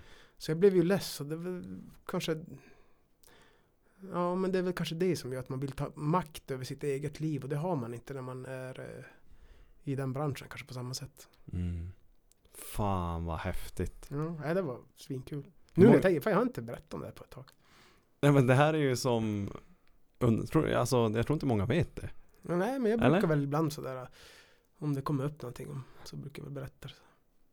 Är, samtidigt så vill jag, jag vill aldrig verka så här skrytig. eller. Det, det, jag tror att det är lätt hänt. Jag tror jag till och med hört om mig själv någon gång att ja, men Tony han skryter. Så, men det, jag vill ju ofta bara berätta om det jag varit med om. Ja, så men kan det säkert komma fram som, som skryt och sådär. Men Men jag får ingen känsla av skryt. ja, vad skönt. Och, och, det, och det... Jag menar du sitter med ett leende på läpparna och berättar dina minnen. Ja, ja, visst. Ja, det, Men för helvete, det är helt sjukt. Ja. Alltså, har du funderat på att skriva en bok någon gång? Nej, vi snackade ju om att skriva några Willie Clay sådana anteckningar och sådär. Så det hade varit kul att göra. Men det, det är ju för att ja, sagan är ju inte slut hoppas jag. Så jag vill ju att vi ska fortsätta så där. Det är kul att göra någon liten grej om, om det vi var med om. Och så här, hur, hur bonniga och naiva vi var och hur, hur, och hur det föll ut och sådär. Det skulle vara ganska intressant. För, för jag tänker också Men säg att ni trycker upp 5000 exemplar Kirunaborna köper upp allt Och Mm. så 200 spänn styck Jag menar vad fan är Ja, men det var ju så, det var faktiskt så, det sa jag inte. Det var ju så vi kom till USA. Det är därför jag älskar Kirunaborna. Det är för att innan vi åkte till USA första gången, då, då sålde vi förköp på skivan. Mhm. Alltså, Kirunaborna fick köpa förköp på den skivan som inte fanns. Mm. Och hela de, den förköpskassan blev så stor att vi kunde åka till USA och vara borta. Det var så vi finansierade skivan och jag tror vi drog in ja, stora pengar. Så att vi la aldrig in en enda krona själv utan det var Kirunaborna som betalade våran inspelning och vårat boende och allting i Nashville. Har ni gått, gått ut med det här? Vet de om det? Ah, Alltså nej, nu när jag säger så, nej, kanske inte. Alltså ni som lyssnar, fan sprid ordet till de som köpte Ja men det var ju, de som köpte och de som var med och stötte oss, det var ju, vi hade ju inga pengar. mm. Så det var ju, det var ju de här, och det är ju häftigt att köpa en skiva som inte finns, men folk gjorde det. mm. Sen sålde vi våran demo. Eh, Mm. Jag tror att vi gjorde en sju spårs demo. Den vill jag själv ha tag på för att jag, jag har ingen sån själv kvar. Med någon liten plastficka. Och, och, så med, med tidigare versioner av till exempel Soldier och sådana Mm. som inte finns på, på något annat. Mm. Så vi Eh, har faktiskt gjort två fullängdare, en EP och en demo. mhm. Ja, det är också intressant Och demon där är jättesvår att få tag på. Ändå sålde vi så mycket. Den borde finnas i Kiruna. jag kan, Vi kan outa här nu Ja. Hörrni, Är det någon som har demo så vill jag köpa den. Eh, Precis, hör av er till Tony Björkenvall. Den, den är så när, men när du nämner Soldier också och och när jag frågade tidigare också, kan du spela Soldier? Mm. Vi hade ju lite snack här när mickarna Mm. var off. Vill du förklara varför du inte kör Soldier? Alltså Soldier är ju, jag vet att det är sådär, den har ju tagit oss till ställen så här som vi inte, eller ja, som vi ville. Men det är på något, man blir ändå på något sätt less, låter så, det låter så hemskt, det låter som att jag, som att jag smiskar mitt eget barn på något sätt sådär, men, men eh, den, eh, den tillför bara saker när jag kör en live för en publik. Mm. Då blir den helt fantastisk ibland. Men att köra en ensam med gitarr så här. Den, nej, den, den känns bara, jag vet inte. Gjord på något sätt. Men däremot så älskar jag att köra en live ibland. Vi har testat med olika i och med att vi, har, vi är ju tvungna att köra en varje gig. Mm. Så då brukar vi ändra arret lite och, och köra den på olika sätt. Och så, och, klart när folk sjunger med, om du har tusen pers som sjunger med, det är klart att man blir det spelar ingen roll vad det är för låt, det blir fantastiskt. Men just så här ensam gitarr så känns den så här, Ja, den känns torftig för mig på något sätt. Ja, ja. ja jag, jag, vill, jag måste ha den där eh, publik, du vet, lägga Precis. ut micken mot publiken, ibland låta dem Mm. sjunga med och den där Är det den låten som det är mest sjunga med i? eh, Ja, det är väl kanske Mighty Good Time har väl seglat Oh, upp det. Mm. Det var den som låg på Svensktoppen, så den är väl där. Alltså. Mm. Sen kommer det ju folk ibland och önskar låtar som vi typ aldrig kör live, sådana vissa som vi har kvar i byrålådan. sådär. Men, nej men Mighty Good Time, Soldier. Mm. Most of all måste... Måste vara ja precis. Alltså, jag vet inte hur många som kanske kan, men den är ju, det är ju också en känd. Ja, den, den är ju, den har gått bra. Den har gått bra. Minor. Miner, ja, givetvis. Man får Eller? inte glömma det. Fan, nej, visst. Nej, den, den, det är mycket allsång. Mm, Och, och den är faktiskt allsång i, om vi kör den i Uppsala eller... Jaså. Mm. Och sen tänker jag, när, ni har ju varit mycket i Nashville. Mm. Alltså hur är Nashville? Man vet ju att Nashville är ju liksom countrys mecka, får man säga så? Mm, ja, så- Jill Johnson ja. är där och... Ja, det var ju, det är väl inte bara, nu har det väl blivit lite mer än bara country. Det är ju de flesta eh, stora skivbolagen flyttar sina huvudkontor till Nashville just. Mhm.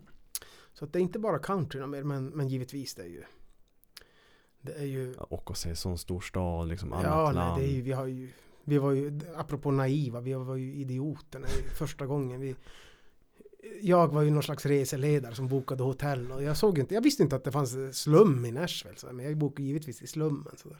Nej. Så en taxichaufför, han, han, första kvällen han hämtade oss så sa han att har ni revolver? Så jag sa nej vi har ingen. Så men han kan fixa en åt oss för att här ska ni inte bo utan revolver. Så då var vi på väg, så fan ska vi köpa en picka? liksom? men vi gjorde aldrig det. Men jag kommer ihåg, jag tror det var Freddan som vi vaknade första morgonen och sa kolla här, här säljer, säljer tjejerna sig själv. Det var någon sån liten truckstop där som tjejerna hoppade in i lättklädda och sådär. Så det var, det var inte det bästa kvarteret sen. Men vi tog, vi, tog den näst, vi tog den näst sämsta, för det första vi kollade på jag och Reine gick in och skulle kolla rummen och då det första vi träffade i trappen, vi fick låna en nyckel och kolla hur rummen såg ut. Det var en kille som satt och sniffade lim i en sån här brun papperspåse. Och Reine sa det här känns inget bra. Alltså. Jag sa nej fan, vi, nu kan vi lyxa lite mer. Ändå så ödmjuk och lugn. Ja men, det här känns som Jo inget Reine, bra. Reine, sån är Reine. Det här känns inget bra Tony. Och sen var det galler, receptionen, det var bara en liten lucka han gav nyckeln, så det var galler. What För. the fuck? Mm. Alltså förstå och se sånt också i livet. Ja, nej, det var ju skitkul. Jag, jag kan också, jag börjar direkt tänka på, jag brukar jämföra med med Tove som seglade liksom jorden runt Ja. och Ecuador och Ja. Colombia och, Alltså vilka sjuka upplevelser Ja. Och du sitter ju här på samma Ja, det är ju, det, det, som sagt jag har inte berättat om det på länge. Det, vi brukar ju sitta och snacka ibland sådär själv i turnébussen om allt som har hänt. Så. Men äh, det är ju det är skitkul. Och så Jag måste bara få fråga när du jagar Var det Björne du jagar Ja. runt Vad är det som gör att man liksom Jag vet ju som själv kommer från hockey, teambuildingen och liksom lagandan Vad är det som gör i bandet att man faktiskt jävlar käkar upp varandra till slut? Eh, Jag vet inte, man börjar irritera sig på små, det är väl som ett förhållande egentligen. Så. Ja, Jag kom, som sagt, jag kommer inte ihåg vad jag blev arg på där precis en gång. Men jag, jag tror att jag, jag ville bara ta bort han. Och så sprang jag runt han och, och jag, en bensinmack i, i Nashville. Ja men det är så många band som splittras Ja. Ja men kolla Oasis Ja men jag tror att det, det är nog en grej att både, till exempel jag och Björne jobbade ju jättetajt tillsammans med att med att, ja, det låter väl lite kaxigt att säga skapa det här bandet men i början, i början eh, av processen mm. så vi jobbade ju jävligt tajt och det är klart det, väl så, det blev väl något slags förhållande mellan oss och sen Ja. så, och så börjar man irritera sig. Mm.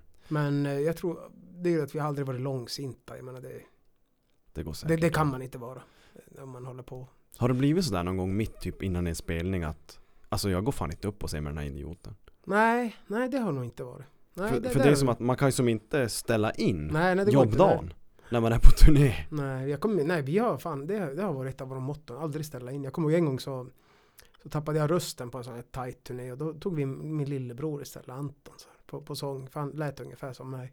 Jaha Så- Så då fick man, för han var redan som förband till oss, så jag tänkte jag, men du får köra några låtar, de tuffaste låtarna som jag hade. Så. Mhm. Ja. Och han fixade det galant ja, nej, han fixade det. Ja. Men Klart var han är ju, uppvuxen med. var ju Anton, eh, är han musiker han också? Anton är musiker, han hade ju eh, sitt band, nu säger jag hade, jag vet inte riktigt vad de har för status. Hardships heter de, som Mm. Anton Huh. spelar med. Så. Jävligt bra. Men eh, jag tror inte de håller på så mycket mer. Är du bra kompis med Fagervall idag då? Marcus, ja men vi är ju så här. eh, Allt tar ju sin tid sådär. Och det, vi var väl samma där. Vi var jättenära också. Så här borderline eh, Mm. making it sådär. Så att det blir sån där. Det, det känns som avsnitt i livet. Så här. Man behöver inte avsluta avsnitt för att de ska vara sådär. Men de, de finns kvar där som Precis. fina minnen. Sådär. Mm. Hur var det att turnera med han? Eh, där gjorde vi ju mycket. Eh, vi fick ju ganska fort en, en eh, bra scener för att Marcus var ju känd Mm. fortfarande. Han gjorde ju succé då när han väl vann eh, både eh, Idol och Stjärnor på is och sådär. Mm. Men, men det var också lite så här lite motvind just på grund av att folk ville såga Marcus ibland så här. Jaså? Så det, det kommer jag ihåg att vi hade några så dåliga recensioner och så där som, som för att ja, jag vet inte, man vill ju man säger jag, men, men, pressen vill ju ofta kanske tvåla till sådana här eh, före detta idolstjärnor och sådär. Mm. Fast Marcus hade ju långt mycket mer kvaliteter än att bara vara en före detta Idol. idol. Sådär. Vad gör han idag? Nu? Han jobbar som musiklärare. Han, han bor nere i Upplandsbro heter det. Mhm. Han jobbar som musiklärare där. Har fru och barn. Kände han, han kanske kände lite som er också att det aldrig lyfte liksom det här, Just till det här steget där man Nu köper jävla lyxvilla liksom Ja, nej precis. Nej, men det är, nog, det är nog mycket. Och jag tror att det är fantastiskt många som är just där i borden, där i gränsen me- mellan sådär. mm. Sen är det vissa som ger upp och vissa som, som fortsätter och kämpar och aldrig lyckas och vissa bara får den här biljetten till, till drömmen sådär. Eh, Lyssnar du eller har du koll på något Chris Clafford? Ja. Han känns ju lite sådär, jag menar han, han vann Idol Sen vart det typ lite tyst, sen gjorde han Eh, USA där. USA där och sen nu har det som börjat svinga upp igen Men han, det känns som att han har ju kvaliteterna Ja, ja, ja. För att, eh, och då kan man som relatera till liksom Jag menar Chris som är så jävla typ perfekt Mm. Men ändå så blir det inte Ja, det nej, där nej, visst. Det är någonting där. Alltså. Just den här världs Men jag tror att det är låtar det handlar om. Jag tror inte att, eh, Att det kvalitet jag tror inte att Chris har fått kanske rätt, exakt rätt låtar sådär. Får, när du säger får låta Eh, Ja men, jag får eller, Eller skriver. Jag, jag vet inte Skriver, hur Chris, eh, Chris skriver säkert själv också. Men, men Mm. det handlar ju om att ha de där låtarna. Precis Det är egentligen det som behövs. En jävla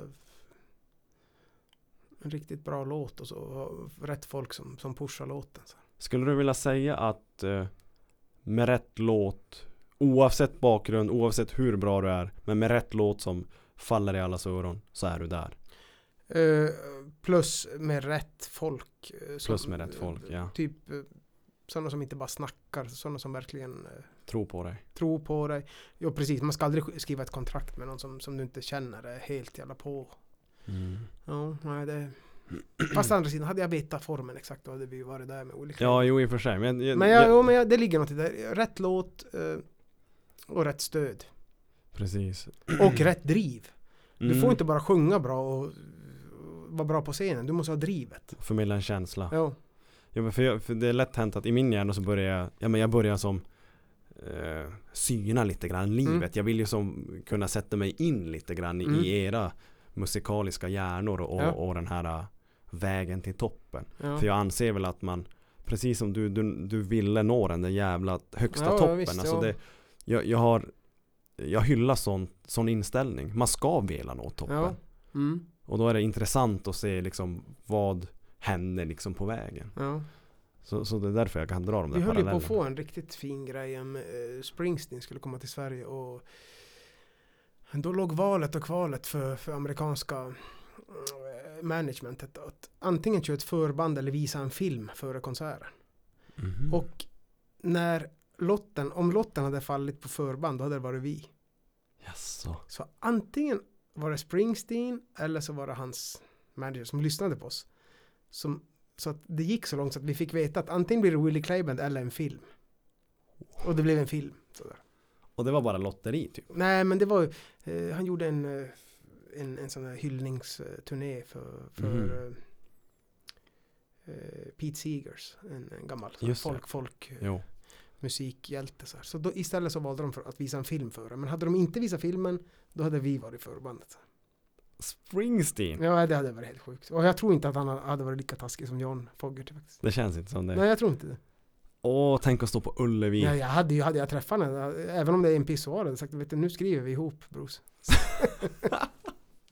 ja, men det hade jag säkert gjort. Åh fy fan. Men alltså förstår du vilka möjligheter? Alltså så nära hela, hela det, tiden det, det, är lite, det är lite så det känns, att det var så här nosa på, på det här äh, drömmen hela tiden. Så. Men det, jag gillar ju det också.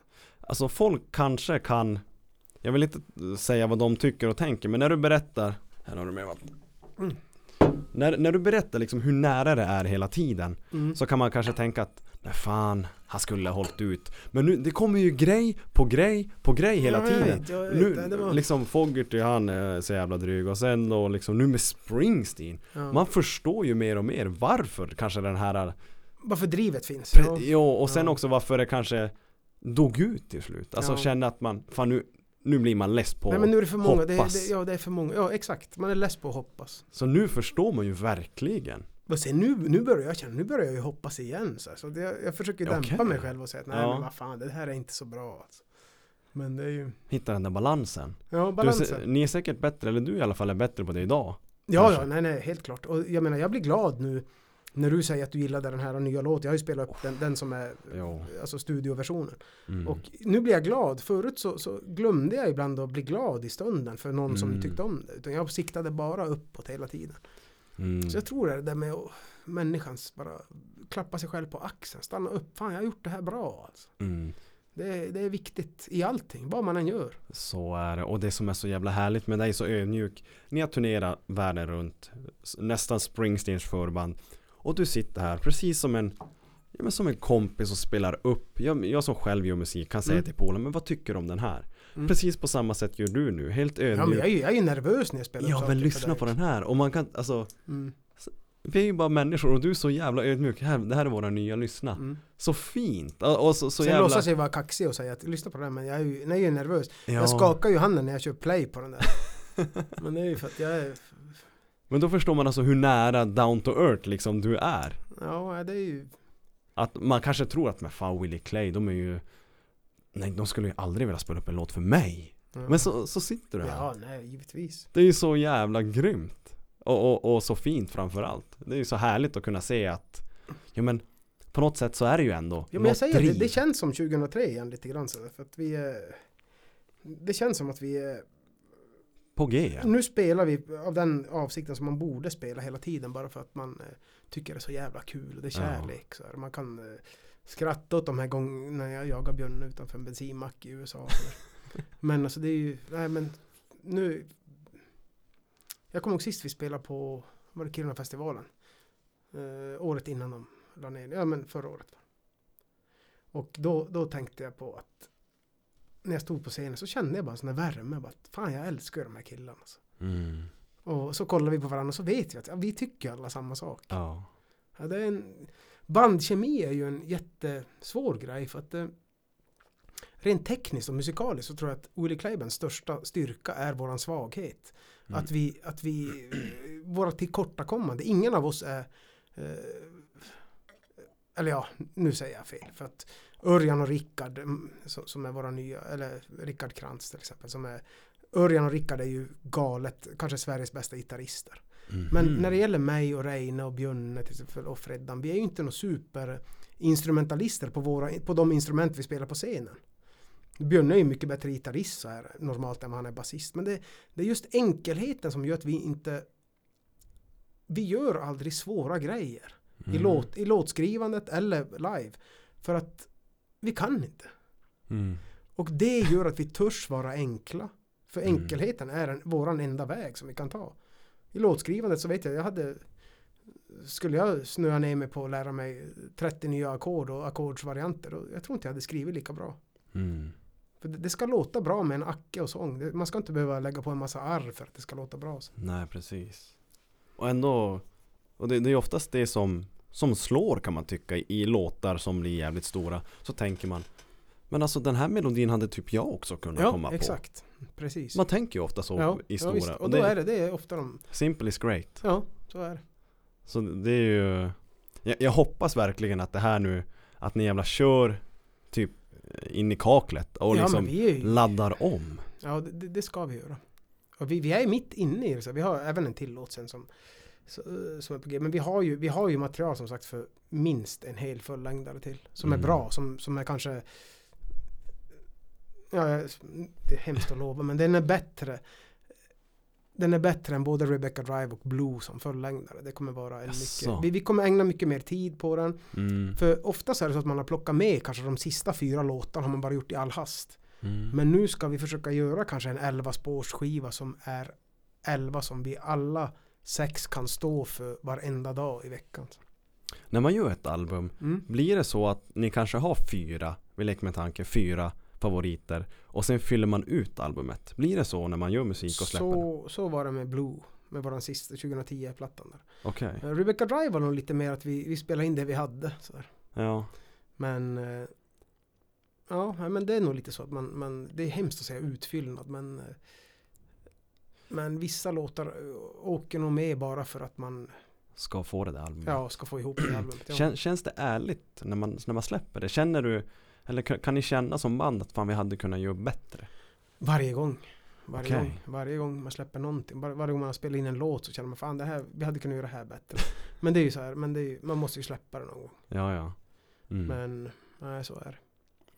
Eh, Tony, efter allt du har gått igenom idag och mm, som vi har pratat om Om folk ska fråga dig om tips och tricks om, i livet och liksom du får sätta en kortfattad prägel på livet som, Mm. som man borde tänka på och sådär Eh, men då hamnade det där vars jag ångrade mig lite att jag eh, inte har stannat upp ibland och njutit av stunder sådär. mm. När man siktar för mycket högt och så det, det ska man göra i livet. Men, men just att stanna upp ibland och vad fan, jag har faktiskt gjort det här. Jag har målat den där väggen eller jag har skrivit den här låten eller jag har stannat upp ibland och bara tänk fan, det är, det är jag som har gjort det. Mm.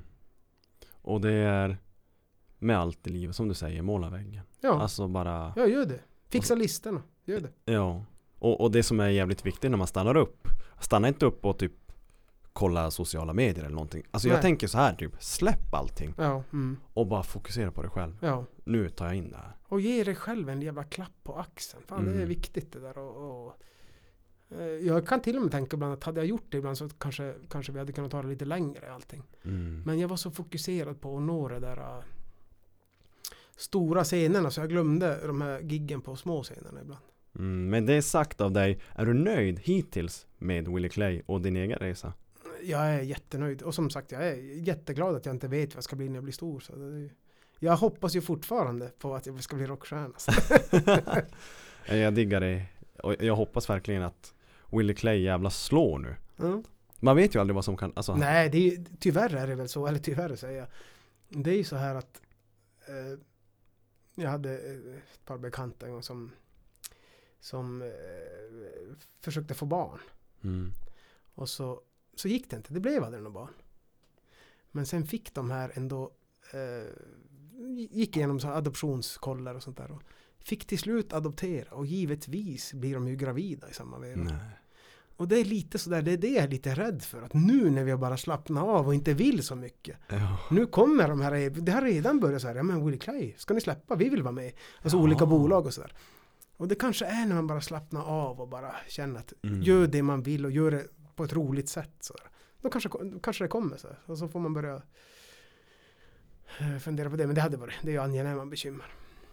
Fan vad häftigt Uff. Jag, jag, jag, jag vill så väl Det är därför Mm. jag, alltså jag nästan bara! Du vet jag blir så ivrig Ja, Fan vad kul det hade varit ja. För, för lite, ni är lite Kirunas landmärke skulle jag vilja säga I alla fall för mig och säkert för många andra Ja, jag är jättestolt över Kiruna. också. Jag tror att det är också en grej att vi har för det är så att man kan ju inte hålla på och snacka skit om sin hemstad bara för att man åker ifrån den så här. Vi har alltid, för jag menar Kirunaborna när vi var på turné så här. Om vi Mm. var i Skottland eller England och Det är klart de googlar och kollar. Och vi, vi, vi fick ju stora tidningar och stor radio men vi har ju alltid skrytit över Kiruna. mm. Och du vet och det nådde ju hem så här när de, ah, de har varit i Skottland, kolla vad de pratar om Kiruna. Ja. Nej men hjärtat, men vi är ju stolta, alltså, det är, vi är ju Mm. grymt stolta över det. Riktiga patrioter. Ja, ja. Hometown heroes. Ja det, Lite. det, det Kanske inte är helt... Nej, inte heroes ännu.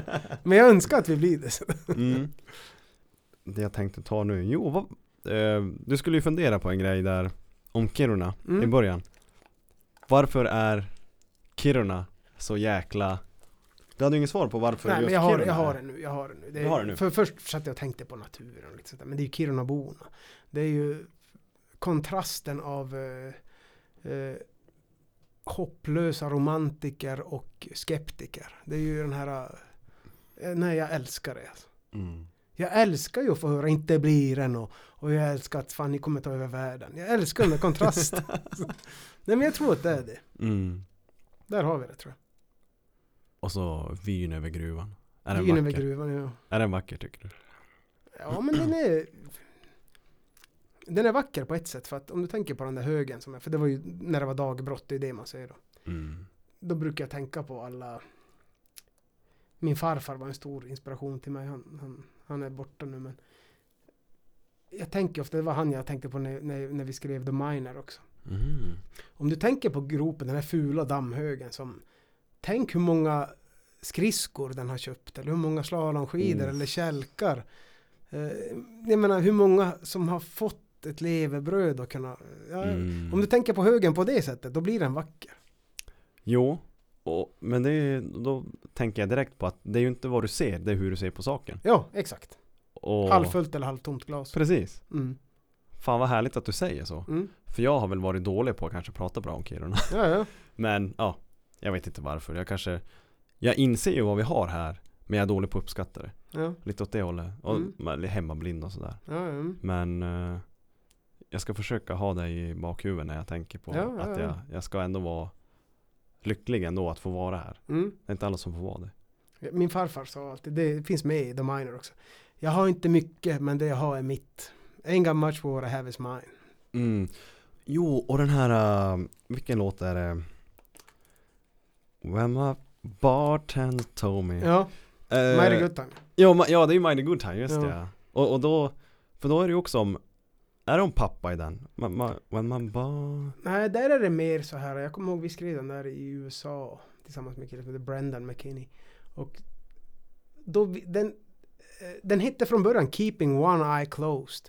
Just, Just att för att vara riktigt lycklig i livet måste du kunna blunda för vissa saker. För det som är jobbigt i livet. Mm, mm. Så eh, det finns, den raden finns kvar. Keeping One Eye Closed. Så det handlar om, ja, om det att du- behind. ja. Precis. Så det, det handlar om att man, för att vara riktigt lycklig så tror jag man måste kunna blunda för det som är lite jobbigt Mm. och, och ryggsäcken och allt det där. Mm. Och den, den är ju faktiskt, det var ju faktiskt Kalle som hjälpte till att det här blev av och det är ju hans favoritlåt. Ja, just det, jo. Jo, Kalle Jakobsson hörru. Tack ska du ha för att du hjälpte att Tony fick se mina meddelanden. Men eh, innan jag tar min sista fråga Mm. Tony så tänker jag att vi ska avsluta med en låt. Vilken hade du velat avsluta med? Mhm. För i det här avsnittet så kör jag inga egna låtar utan jag kör, jag kör dig. Eh, Men vet du vad, ska vi köra Mighty Good Time så som den skrevs då eller? Mm. Eller ska vi köra The Minor kanske? Jag tänker att du får välja här. Eh, Jag har varit, försökt att vara lite dominant. här. Vi kör Soldier och vi kör Ja men nu har du sjungit redan lite på The Minor, eller på Mighty Good Time, då kör vi The Minor. Ja, men vi- jag ska bara ställa sista frågan. Ja, kör. Sätt, slå den ner igen. Ja. Ehm, så då vet vi att vi avslutar med Mighty Good Time. Nej, Minor. Minor, Förlåt, ja. Minor. Ehm, som jag alltid ställer. Om fem år, jag är oerhört intresserad av att höra dina drömmar och planer. Mm. Om fem år så hoppas jag eh, dels i, i, i arbetslivet och att vi, har- att vi har eh, fått igång biluthyrningen igen. Sen hoppas jag att Willie Clayman spelar på på de gamla scener som vi spelat på förut. Jag ska inte ens hoppas på att vi spelar på större scener för jag, jag det, var fan, det var fan bra nog när vi spelade där. Mm. Och så vill jag spela på Kirunafestivalen. Och så, så vill jag att familjen mår bra och sådär. Min, min dotter har hittat sin grej i livet. Och, Det här låter som att det är ganska rimliga mål. Det här är ju inte omöjligt. ja, jag vet. Jag har ju börjat bli tråkig. Alltså. jag tänker fan, Willie Clay slår igenom, jag glider igenom stan i en Ferrari. ja, ja, visst. Mm. Men, men vi hoppas inte så mycket utan vi tar det som det kommer. Ja. Det tycker jag är bra. Ja, nej men jag köper det och jag Alltså jag känner mig ganska säker på att det där kommer bli så. Ja, fan jag har kanske tagit för låga, låga visioner. Men, men det är okej. ja, alltså- det är okej. Ja, men det är okej. Det är det, nya. Det är är som, nya. det är som Hasse Laxonen sa eh, när jag förklarade för han varför gästerna har så Det här är frågan som de har svårast att svara på Mm. just om fem år. Och då sa ju Laxen det att Pocka de är inte ärliga. De Nej. vill inte säga. För tänk, för tänk dig om du säger här Tony Ja, Willie Clay kommer ha skivkontrakt och vi kommer vara i Mm. USA och vi kommer leva på det. ja. Och sen om det inte blir så, då Ja, kommer det finnas visst. folk som bara Ja. wow! Vad var Nej, men det jag, så? jag, nej, men jag ska väl lägga till att vi fortsätter. Eh, eh, om vi tänker musikaliskt, nu säger jag bara privat, men musikaliskt så hoppas jag att vi fortfarande är en eh, är ett av de eh, kanske det främsta bandet man pratar om när man pratar om alternativ country i Sverige. Så. Mm. Då vill jag att vi ska vara, vi är, det är jättekul nu att man läser recensioner på på andra artister. Så jämför de sådana som aldrig skrev om oss på, när, det var, när det begav sig. De jämför oss som referenser nu. Så, Sjukt. så det, det är kul. Det, Får jag, får jag lägga in en önskan? ja, Eh, för ni har ju kört typ varannat år på Kirunafestivalen. ja, typ. Och, men alltså varför kan ni inte köra varje år? Ja men det får du dra med festivalen. Vi hade gärna spelat varje år. Är det de som inte... Ja men Ta det är ju dit så. Men sen är det, jag, jag kan ju också förstå det. ibland. Jag har varit sur ibland till och med. Jag tänkte, jag ska fan aldrig mer spela på festivalen. De tog inte oss det här året. ja men det är ju så. Men, eh, Eller om det har Det- någonting... Om, nej men det är väl så här, man vill väl ha någon, man vill inte ha ett, ett, ett, ett husband på det sättet. Så här. precis, man, man vill ändå ha den här förväntan. ja men fan, man måste ja. vänta ett år till Ja. på er. Ja, nej precis. Och jag tror ju varje gång vi spelar. Vi har ju logen i Folkets hus där uppe. Ja. Och då brukar jag alltid gå ut en kvart innan och så det står ju inget folk där. Så.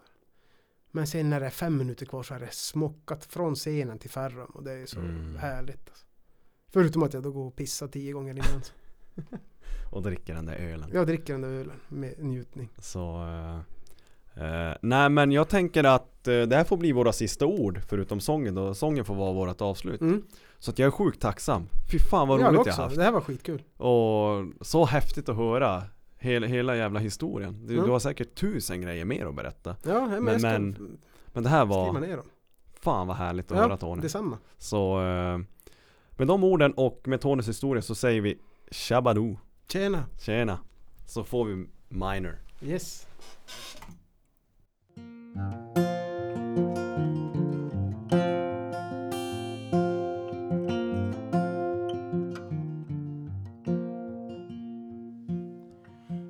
much trouble around here to be had. It's too damn cold for a man to be bad. It ain't nothing but a little old mining town. Not many folks wanna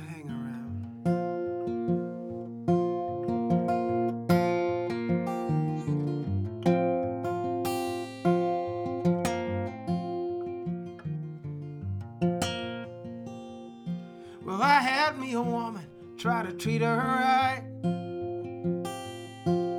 But she had dreams about them city lights. I just couldn't make her see. The change ain't easy for a man like me. My daddy was a miner and I am too. The only little thing I know how to While some might call me just a simple man. Cause my feet ain't ever gonna leave this land.